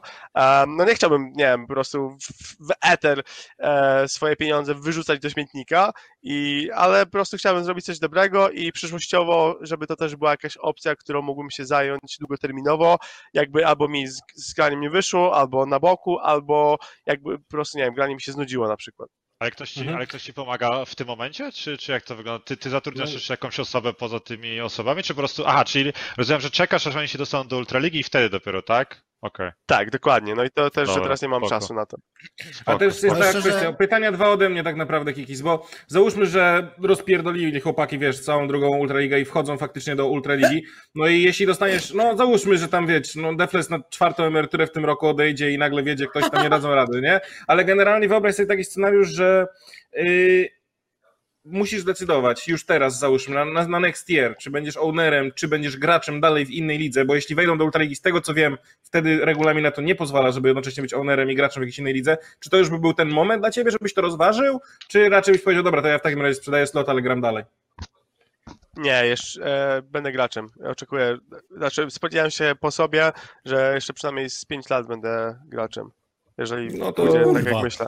Ile To masz Znaczy, znaczy, myślałeś, taki, żeby żeby... Czyli, liczysz, na to, że albo, liczysz na to, że albo będzie zmiana regulaminu, albo za 5 lat wejdą do Ultraligi. Nie, no to tego składu je, nie będę trzymał w drugiej lidze. E, no, nie oczekuję tego. Więc e, albo będę mógł to robić, a jeżeli projekt się nie uda, to albo komuś go przekażę ze swoją wizją, albo po prostu sprz- sprzedam slota. Okej, okej, ma to sens. No. Okej. Znaczy ogólnie, E, jak, dobra. ja, Możesz jakiś, jakiegoś słupa tam postawić. Znaczy jak jakiś ci powiem, że ja w sumie bałbym się grać na pozycji top lanera i dżungli w tej drużynie, bo wiesz, no dostaną się tam do tej pierwszej ligi, cię tam mogą, wiesz, wyrzucić tam z Francji i wiesz, ja nie wiem, czy ty pójdziesz na dżunglę, czy na topa do tej drużyny, więc Nie, ja bym tam mogę się obawiał na miejscu i Unknowna. Nigdy bym w swojej organizacji nie grał. Oj, oj, już byli tacy, co tak mówili, a potem różnie A było. skoro już jesteśmy przy y, temacie drugiej dywizji, to Defles, jak ty oceniasz w ogóle poziom drugiej dywizji Ultraligi i y, Co powiedz oceniam? mi jeszcze, czy jest na przykład poziom A, dobrze, dobrze. i powiedz No, mi, powiedz mi jeszcze Jest wysoko. w takim razie, czy, czy coś cię zaskoczyło? Czy uważasz, że są tam niektórzy gracze, którzy przykuwają twoją uwagę i na przykład myślisz sobie, ten chłopak za kilka lat może na przykład być dobry i Czaru y, dobrze widzisz tam perspektywiczne osoby? Dobra. E, To bardzo szybko tak powiem. Rzeczywiście, kogo uważam, że jest perspektywi- perspektywistyczną osobą i może mu coś się udać w przyszłości, to wydaje mi się totalnie bez sarkazmu, że Zamulek. Kiedyś bardzo źle na niego patrzyłem, bo miał źle w głowie poukładanej, ale wydaje mi się, że powoli się ogarnia, jakby powoli się ogarnia ten zawodnik. E, idzie mu coraz lepiej na solo queue. Wydaje mi się, że nie najgorzej się też prezentował na competitive. Wydaje mi się, że może mu coś się udać w przyszłości. Bardzo mu tego życzę.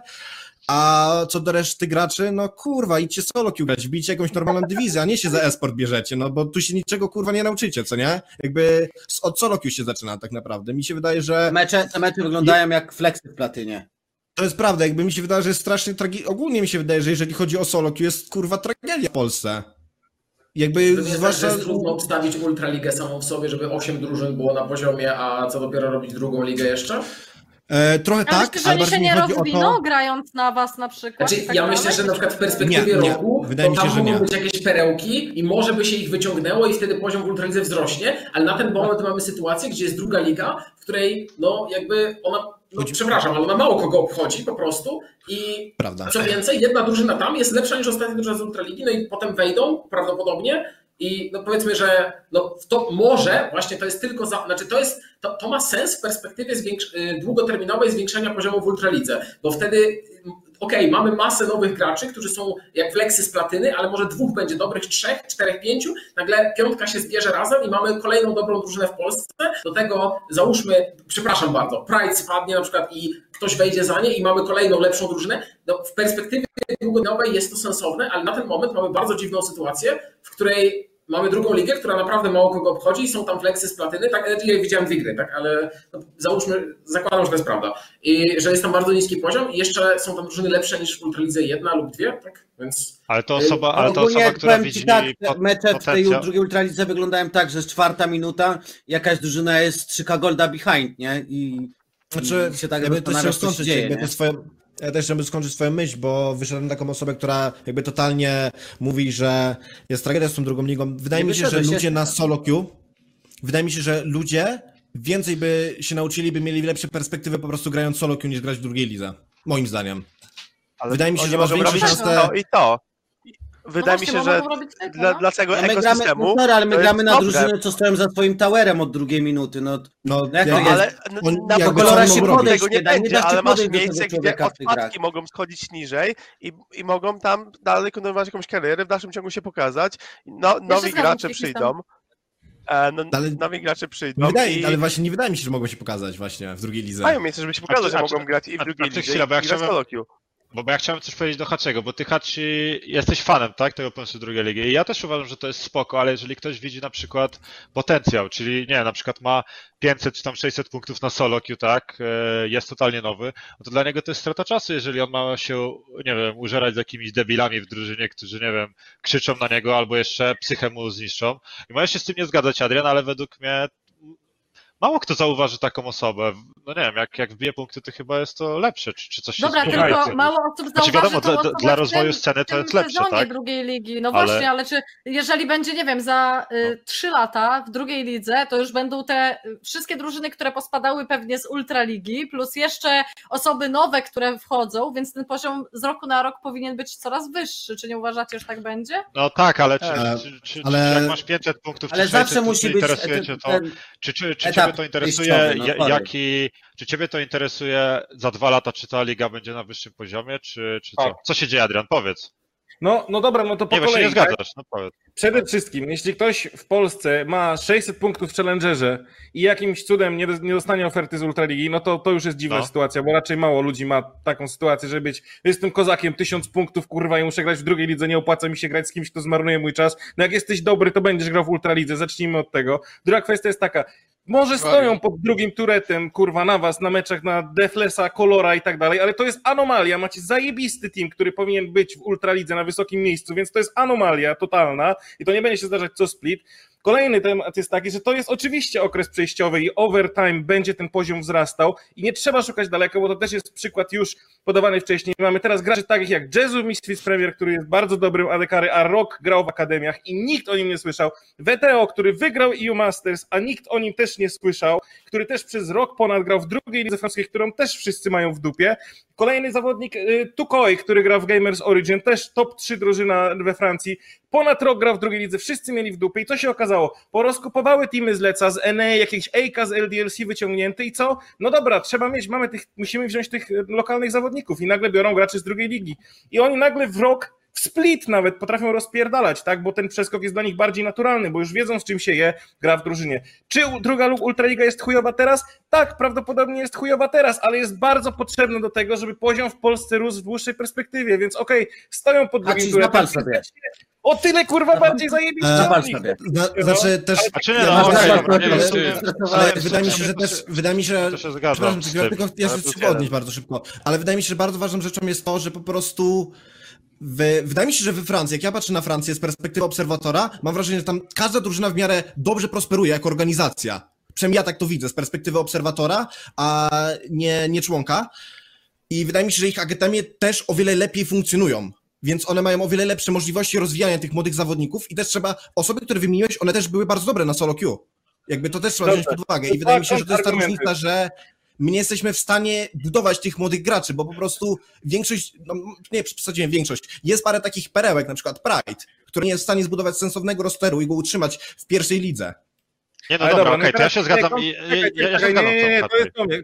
Ale Teraz tak, jeszcze. Przede No, dawaj. wszystkim, Liga Francuska nie ma tylko i wyłącznie drugiej ligi, ma też trzecią ligę i uwaga, są tak dobrzy dlatego, że mają tak pojebaną infrastrukturę z tak wieloma teamami już od wielu lat. W Polsce mamy drugą ligę od dwóch tygodni, a tam ona to jest właściwie od pięciu, sześciu lat, tak więc trzeba to zbudować. Dlaczego? Bo tam były lany na zasadzie Bring Your Own PC, gdzie grało 128 teamów i tam każdy mógł zostać prograczem na tej zasadzie. Potem powstała druga liga i ba, powstała trzecia liga i było chujowo, ale jest coraz lepiej z każdym splitem. I to nie jest też tak, że 5 lat temu, 4 lata temu, 3 lata temu WTO i czy Tukoi byli uważani za totalnych przechujów, no nie grali nigdzie, no bo grali w drugiej lidze francuskiej. Nikt, nawet top 8 z Francji nie dał im szansy, tak?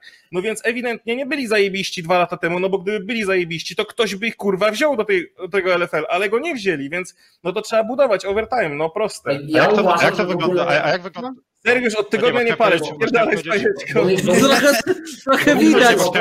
druga liga... no. No, mów, mów. Nie, bo chciałem powiedzieć, jak wygląda sytuacja odnośnie kontraktów, bo boję się, że, że przyjdzie jakaś organizacja, bo na przykład w Hiszpanii było tak, że jak dostałeś ofertę z ligi wyższej, to automatycznie kontrakt wygasał, tak? E, Czy tam mogłeś przejść bez buyoutu, a boję się, że przyjdzie jakiś ziomek, zakontraktuje jakichś młodych zawodników i kurwa na dwa lata i będą jail totalnie, więc mam nadzieję, że ktoś z Ultraligi będzie ogarniał te kontrakty, bo nie chciałbym, żeby jacyś młodzi zawodnicy wpierdolili się w jakieś gówno, nie? A, a to jest bardzo łatwo, żeby, żeby jakiś ziomek się, się znalazł i, i wpadł na taki pomysł, więc no, no nie, mam nadzieję, że nie znam, ale ja chciałem to, tylko dodać... drugiej mam nadzieję, że ktoś to po prostu lustruje, szczerze mówiąc. Fajne To- to- zagrożenie a propos drugiej ligi. Mhm. Mhm, mów, No to mów. kto mówi?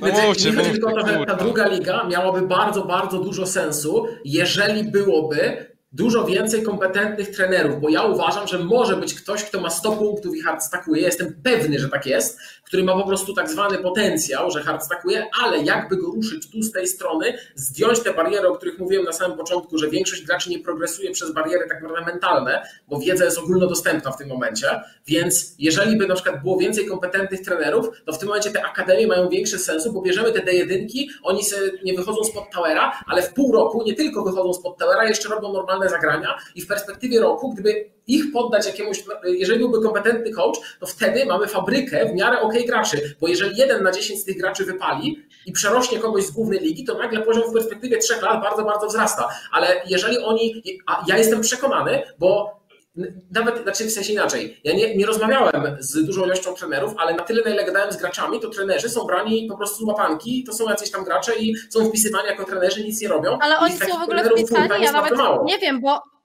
y, trenerów nie ma chyba wpisanych na składach. Mamy składy drugiej ligi, czy możemy je ten, możemy je pokazać? Chyba są. Oni są wpisani na Ligupedii, to tyle wiem. Nie, to są tylko gry, dobra, nie, to ja miałam gdzieś gry. screena, ale najwyżej nie mamy go. Y, No to możliwe, możliwe, że są wpisani trenerzy, ale no ja tutaj No się tak zgadzam, o tu mamy. Y, Mamy, mamy składy drugiej ligi i są Sherlock. trenerzy, faktycznie, są trenerzy, ale nie wszędzie. Dobra, zostawcie tego Yy, screena na chwilę. Słuchajcie no. teraz tego. Trzy lata temu mieliśmy polską scenę, jedyni trenerzy polscy to był Veggie i Hachi, taka była prawda. Potem pojawił się MenQ, potem pojawiła się Ultraliga, nagle jest osiem drużyn, nagle trzeba osiem trenerów, więc teraz mamy jeszcze Wowa, mamy jeszcze Zeturala, mamy jeszcze Bezuma, teraz pojawia się druga liga, pojawia się kolejne osiem teamów, w których trzeba ośmiu trenerów i pojawią się nowi ludzie po raz kolejny, pojawia się Tuksiarz, tak, pojawia się Inka i właśnie tak to kurwa rośnie i o to chodzi w tym wszystkim, no. A czy nie, no jeżeli, i, i, bo, bo ja nie wiedziałem w ogóle, że to są te organizacje, nie wiedziałem, że to są większość akademii, więc to jest, to jest spoko. A jak to wygląda, jeśli, jeśli chodzi o, o dostanie się do tej drugiej ligi? Jeżeli jakaś sklejka chce tam wejść, to jak to wygląda? Mhm. Kwali. A, o drugiej ligi jest Kwali jest? kwalifikacje są. A, mhm, tak, ale jeszcze Hachi fajne zagrożenie zauważył w swoim filmie. Yy, dzisiaj oglądałam i zwróciłam na to uwagę, że jedną rzeczą taką zastanawiającą jest to, co jeżeli Akademia ma, yy, wygra slota i co wtedy się stanie z tymi yy, graczami, bo jakby masz swój główny skład, więc nie, musisz sprzedać albo tą drużynę, albo tego slota, a oni zasłużyli Normalnie sobie na na Sandrę to, żeby przepisujesz i tyle, nie? grać. Znaczy, Po no to już wiem, o jakim przypadku mówimy. No tak, no ale załóżmy, załóżcie sobie taką sytuację, nie? Załóżmy, że Illuminar teraz pójdzie zajebiście, pojadą sobie na EU Masters i robią, w następnym splicie robią Akademię. W Akademii Bezum znajduje totalnych pięciu przechujów, naprawdę zajebistych graczy, nie? I teraz co się dzieje? Te chłopaki w Akademii wygrywają ligę I teraz co możesz zrobić? No nie możesz ich dalej trzymać w Illuminar, chyba że wyrzucisz kogoś z pierwszego składu, a może jesteś happy z pierwszego składu. No i co? Oni chcą grać w Ultralidze, więc co musisz sprzedać tych swoich talentów, które Illuminar wpakowało na przykład rok czasu i pieniądze, za Ja mam- pieniądze, ja które mam- Ja dalej grałem w Akademii. Ale nam na przykład Illuminar mówiło, jak byliśmy w Akademii, że jeżeli wygramy slota, to żeby po prostu grać pod innym logo. Więc w sensie, że, że, że może... Nie? To, to tak nie działa. Tego się nie Może- mówi głośno, tego się nie mówi głośno. Dawaj, dawaj, mów jeszcze coś. Ja to mówię głośno. Sandra kieruje Ale nie no, ale przecież... Ale co, dlaczego tego się nie mówi głośno? Przecież jakby to jest legalne. To jest pomysł, tak, to jest pomysł Nitrozyniaka, no, to prawda. To jest bardzo dobry pomysł. To jest, to jest, y, Seven to jest to jest legalne jak najbardziej. Generalnie Że powiem tak, na tak, na poziomie LEC to jest dużo bardziej weryfikowalne niż jeszcze na ten moment w Ultralidze, chociaż im więcej będziecie o tym mówić, tym bardziej będzie weryfikowane, bo jest to jest duży konflikt interesów i w Lecu bardzo się starają ludzie, żeby jedni, żeby tam nie było żadnych powiązań na zasadzie, że to będzie kto, niby ktoś inny, ale dalej to samo, nie? A ja nie mówię to o ja tym. słyszałem, że- ale to ogóle ja słyszałem, Chodzi że- o to, ale- że a- cały skład jest sprzedawany. Ale Ja słyszałem, że w też jest, ale ja słyszałem, że też kiedyś, Takefan był kiedyś prograczem i on też był zainteresowany, jeśli chodzi o slota w Ultralidze, więc Jak e, się ktoś się znajdzie na pewno, nie? Nie, mam wrażenie, że... Dobra, mam wrażenie, że w dziwną stronę to poszło, a jakby... y, Jesteśmy Ale tak, Polakami, jeżeli będziemy tak robić, żeby tak to, że- wykombinować, żeby obejść Tak. przepisy. No po, przepisy są po to, żeby Dobra, je łamać. ale nawet jeżeli wykombinujesz i znaczy, jeżeli tam już zrobisz. Nie, Będę miał dwa omi- dni. ominimy kombinowanie, ale załóżmy, że sprzedajesz całą drużynę, to i tak nowa organizacja, która hipotetycznie by ją wzięła, może sobie wymienić graczy i nagle te osoby, które zasłużyły na granie w Ultralidze, no i tak nie, mogą w niej nie grać. Świat nie jest Takie jest życie. A nie, tak szczerze, tak szczerze, serio, ludzie, jak sobie, im wcześniej sobie uświadomicie ludzie, że świat nie jest sprawiedliwy, tym się aż przyjemniej żyje. Jak nie oczekujesz od świata sprawiedliwości, to nie jesteś cały czas kopany w dupę i nie jesteś cały czas rozczarowany. Ja w wieku 10 lat, przez to, że miałem trudne, powiedzmy, dzieciństwo tak, tak zwane, to sobie uświadomiłem, kurwa, gdzie jest sprawiedliwość? Nie ma czegoś takiego. I szczerze, ja sobie żyłem 10 lat i jeszcze 10, 11, bo już mam z 21 i tak się fajnie żyje, jak nie szukam dookoła siebie sprawiedliwości. Serio, bo bym tylko się rozczarował. Ja myślę, że tym pozytywnym akcentem skończmy ten temat i przejdźmy do pytań od widzów, bo jest to już y, Tak. raczej Ej, ktoś, dobry ktoś wskazywał na to podobieństwo czasami jak się odpalasz bezum pomiędzy tobą a Zaturalem i ja myślę, że to jednak nie jest tak samo, to jest jednak różnica. Zatural się tak odpala gdzieś po dwóch drinkach może, a ty to potrafisz, potrafisz tak powiedzieć na A ja, ja prawie nie piję, ja piłem może kilka razy w życiu. Nie bardzo, To nie, jest nie bardzo różnica, więc lubię. jednak nie jesteście tacy sami, więc możemy przejść dalej jak najbardziej. Super, Mamy super. pytanko, pytanko pytanko Bezuma. do widzę. Bezuma. Tak. E, Dlaczego akurat LOL, a nie jakaś inna dziedzina? Mądry z ciebie chłopak, nie wolałbyś na przykład e, machine learning? Chciałbym tylko Pozdrawiam, coś wtrącić. To jest strasznie Chłopaki- toksik pytanie. Chłopaki, chłopaki to są w agencjach towarzyskich, a my jesteśmy młode wilki. Więc proszę na, na, nas tu od chłopaków nie, nie wyzywać. Dziękuję. Mężczyźni, tak? Nie wiem, czy to było strasznie toksik, ale może nie zrozumiałam tego pytania, ale po prostu no, jesteś w stanie odpowiedzieć, czy nie. Jeżeli nie, to skipujemy. To znaczy, dalej. ja myślałem o tym, żeby się zajmować wieloma rzeczami w życiu, ale zawsze to się toczyło wokół tego, że ja chcę pracować umysłowo i mieć nad czym myśleć. I to jest, jeszcze wrócę tylko na sekundkę jednym zdaniem do tego, co mówiłem odnośnie tego ISP i tutaj wypikować trzeba, że ja na przykład w akademii jak siadałem, to tak, rano przygotowywałem coś na screamy, jeszcze nasze gierki coś tam przeglądałem, co mam zrobić, kto ma z czym problem, potem były screamy, y, graliśmy trzy gry, potem omawialiśmy je dwie godziny, bo w Akademii trzeba się przebijać przez wszystkie opory graczy, potem jeszcze siedziałem z graczem, oglądałem jego solo na przykład 2-3 godziny, a potem jeszcze szedłem na coaching indywidualny gdzieś tam po godzinach, więc generalnie ja spędzałem 12 do 14 godzin z dolem w Akademii i, i, i szczerze, no nie wiem, jak się wciągnę, to siedzę i gapię się na tą grę i jakby tracę poczucie czasu. Jak się odpalę, to tak mam i po prostu tak działa na mnie praca umysłowa, że strasznie mnie wciąga i bardzo dużo przyjemności sprawia. I w tym momencie... Ja. Chcia- chcia- Nie, nie, bo ja nie czuję się zmęczony po tym. Ja potrafię sobie też zrobić przerwę. Aha, po jeden dzień kokainie nie czujesz się zmęczony. Nie, Ja nie, też nie, nie. tak. A. Więc tak czy. Ale dobra, o co, o co mi chodzi? Bo co to w ogóle ma do rzeczy, co on gada, prawda? Y, Więc co on gada i co to ma do. Nitro, nitro. genialne. I teraz tak, co, co to w ogóle ma do rzeczy i co on gada? Y, To ma do rzeczy tyle, że jakby jak to powiedzieć, bo teraz zgubiłem wątek przez to, że się zacząłem śmiać. Nic się nie stało bez Tyle, że wiedziałem, że chcę o tym, że pracować umysłowo i się w pracować ten sposób umysłowo, tak. I powiem tak, trochę przypadkowo jest, że zostałem przy LoLu, no bo ja zacząłem grać w LoLa, jak zobaczyłem reklamę chyba w wieku 11 lat, bo ja gram od pierwszego sezonu. I grałem sobie, byłem totalnym głównym w pierwszym, drugim sezonie, w trzecim, czwartym chciałem być prograczem i tak dalej. I to tak naprawdę mogło się wtedy skończyć, bo potem zrobiłem przerwę od LoLa na pół roku, i, ale nie wiem, no coś mnie ciągnęło do tej gry, żeby do niej wrócić. I też szczerze, to nie chcę określać to przypadkiem, ale ja nie wiem, jak to wyszło, że zostałem przy LoLu, ale gdyby na przykład LoL się skończył, albo gdyby przestał sprawiać mi przyjemność, albo gdybym cokolwiek poczuł takiego, no to pewnie bym poszedł w stronę czystej psychologii albo filozofii. No tylko z filozofii się nie da żyć, więc musisz iść na psychologię, no bo że da się, no ale wiadomo, no tam to A bez to jest dość mało użyteczne w praktyce. I dla, dlaczego akurat LoL? Bo tak. O, i to ja sobie pogadał. Bo ja mam pytanie. Nie, Bo teraz, teraz Twitter zadaje pytanie.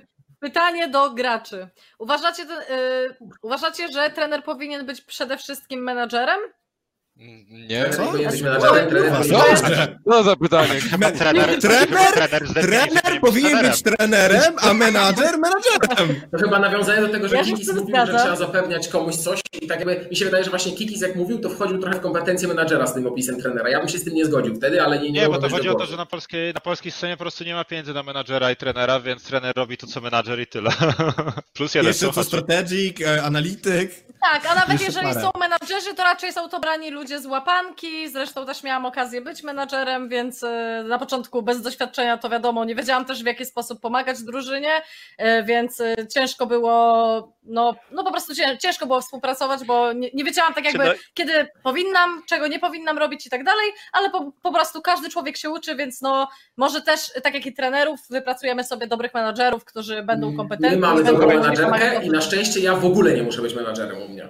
Więc No i to jest super. Dobrze. Ale posłuchajcie, no w większości organizacji w Polsce niestety teraz wygląda tak, że jak się pisze ten budżet, to się zastanawia, na kogo ewentualnie, no kogo tak naprawdę nie potrzebujemy, bez kogo sobie damy radę. I zawsze przy menadżerze jest takie, a może ty byś to mógł robić. I słuchajcie, nawet teraz w Ultralidze jest parę takich teamów, w których pracę menadżerską muszą wykonywać faktycznie trenerzy.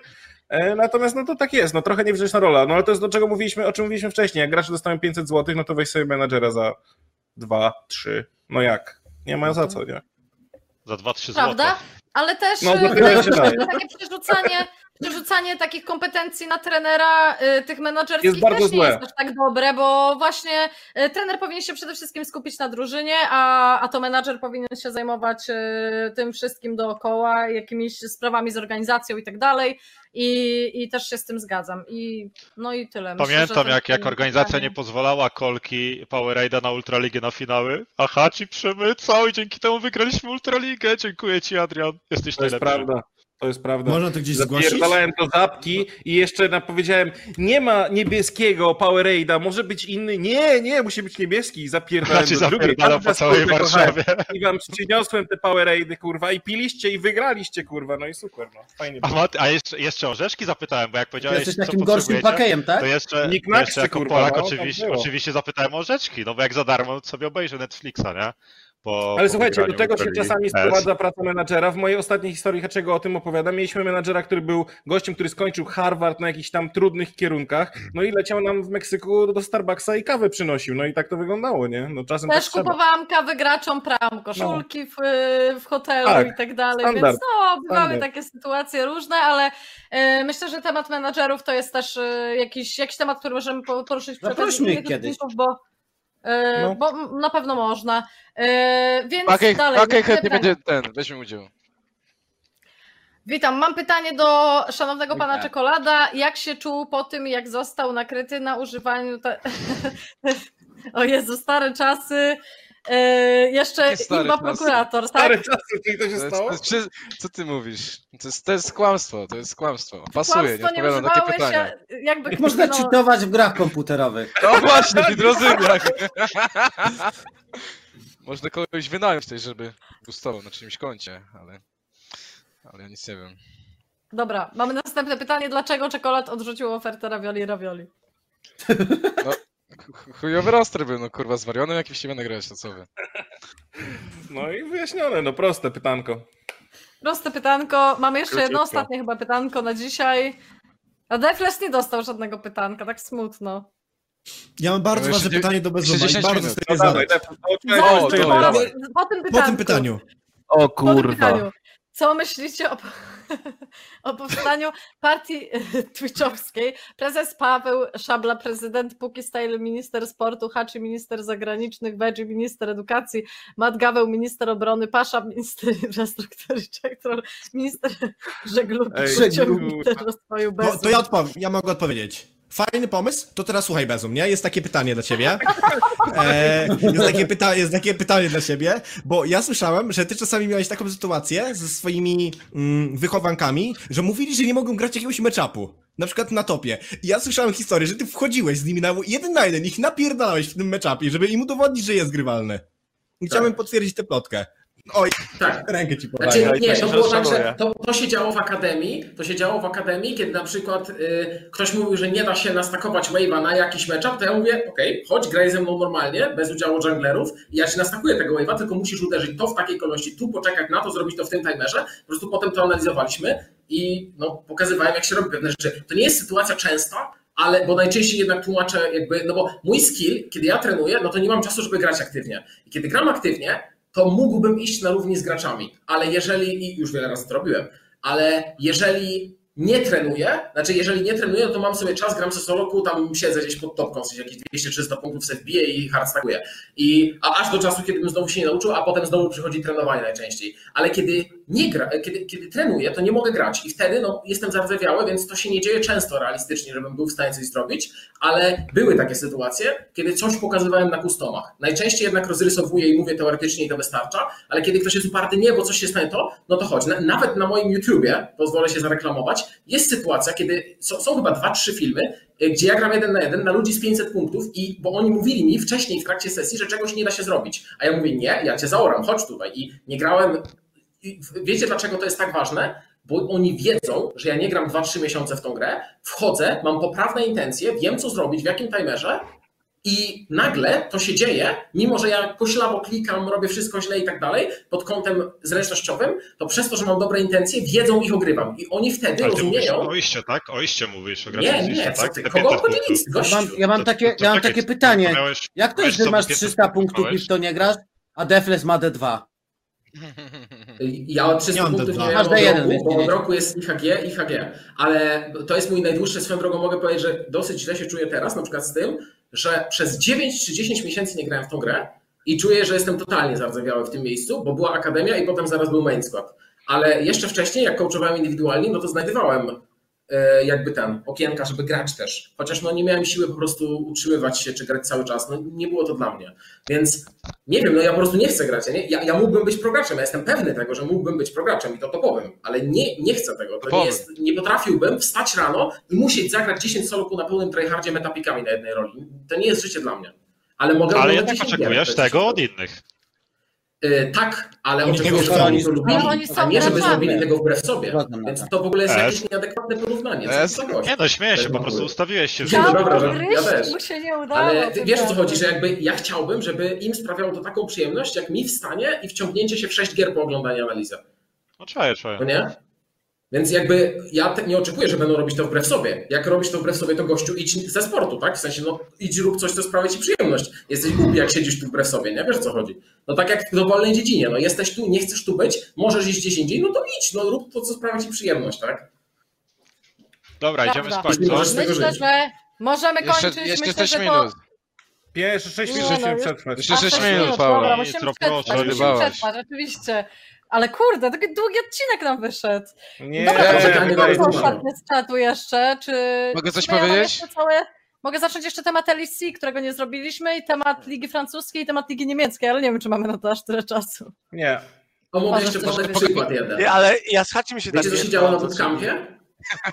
Wiecie, co się A słabo idzie haczymy podobno. Poczekaj, bo Mamy pytanie, jak odbieracie wejście Bezum Bezum na polską scenę? Sprawi, że polska scena wejdzie na wyższy poziom, czy polska społeczność graczy go oleje i uzna za dziwaka? Y, jednego nie można mu odmówić, jest jaskrawy, nie bierze jeńców. Ja myślę, że wszystko zależy od wyników. jak teraz nagle rozpierdoli, pojedzie na Masters dwa razy, no to jest Bogiem i Zbawicielem. A jak dostanie w pierdol, no to pewnie będą myśleli, że gościa pojebało, nie? No tak wygląda e-sport, no.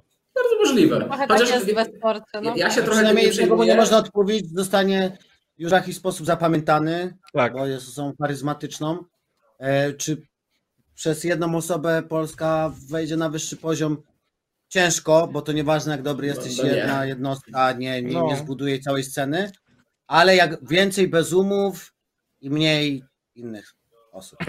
To Bardzo. Ci dziękuję, No, bardzo znaczy doceniam też- te słowa. E, Ja mogę powiedzieć od siebie, że uważam, że jestem overhypowany, ponieważ ludzie mówią, że jestem świetnym trenerem i ja miałem nawet o tym pogadankę chyba z Virgil na kanale, że nie da się oceniać pracy trenera z zewnątrz, w wyniku czego, nieważne czy ludzie by mnie krytykowali czy nie, ich opinia nie może mieć pokrycia w czymś rzeczywistym, bo oni nie mają, nie mają jak tego wiedzieć, więc no niby jak ludzie mnie chwalą, to jest fajnie, ale z drugiej strony ja mam bardzo taki chłodny umysł i ja zawsze mam, ale skąd oni, ktoś mi pisze, jesteś świetny, a ja myślę, a skąd ty to wiesz, gościu? No nie? I jakby tak samo jakby ktoś mi powiedział, jesteś słabym trenerem, a skąd ty to wiesz, tak? Więc y, ja jestem przekonany, że gracze, którzy ze mną współpracowali i teraz współpracują, na ten moment powiedzą o mnie dobrze. Na, nawet jeśli No. jakieś wady mi wytkną, to jednak będą mówić o mnie generalnie dobrze i to jest jakiś wyznacznik i to jest coś, co mógłbym powiedzieć jako wizytówkę.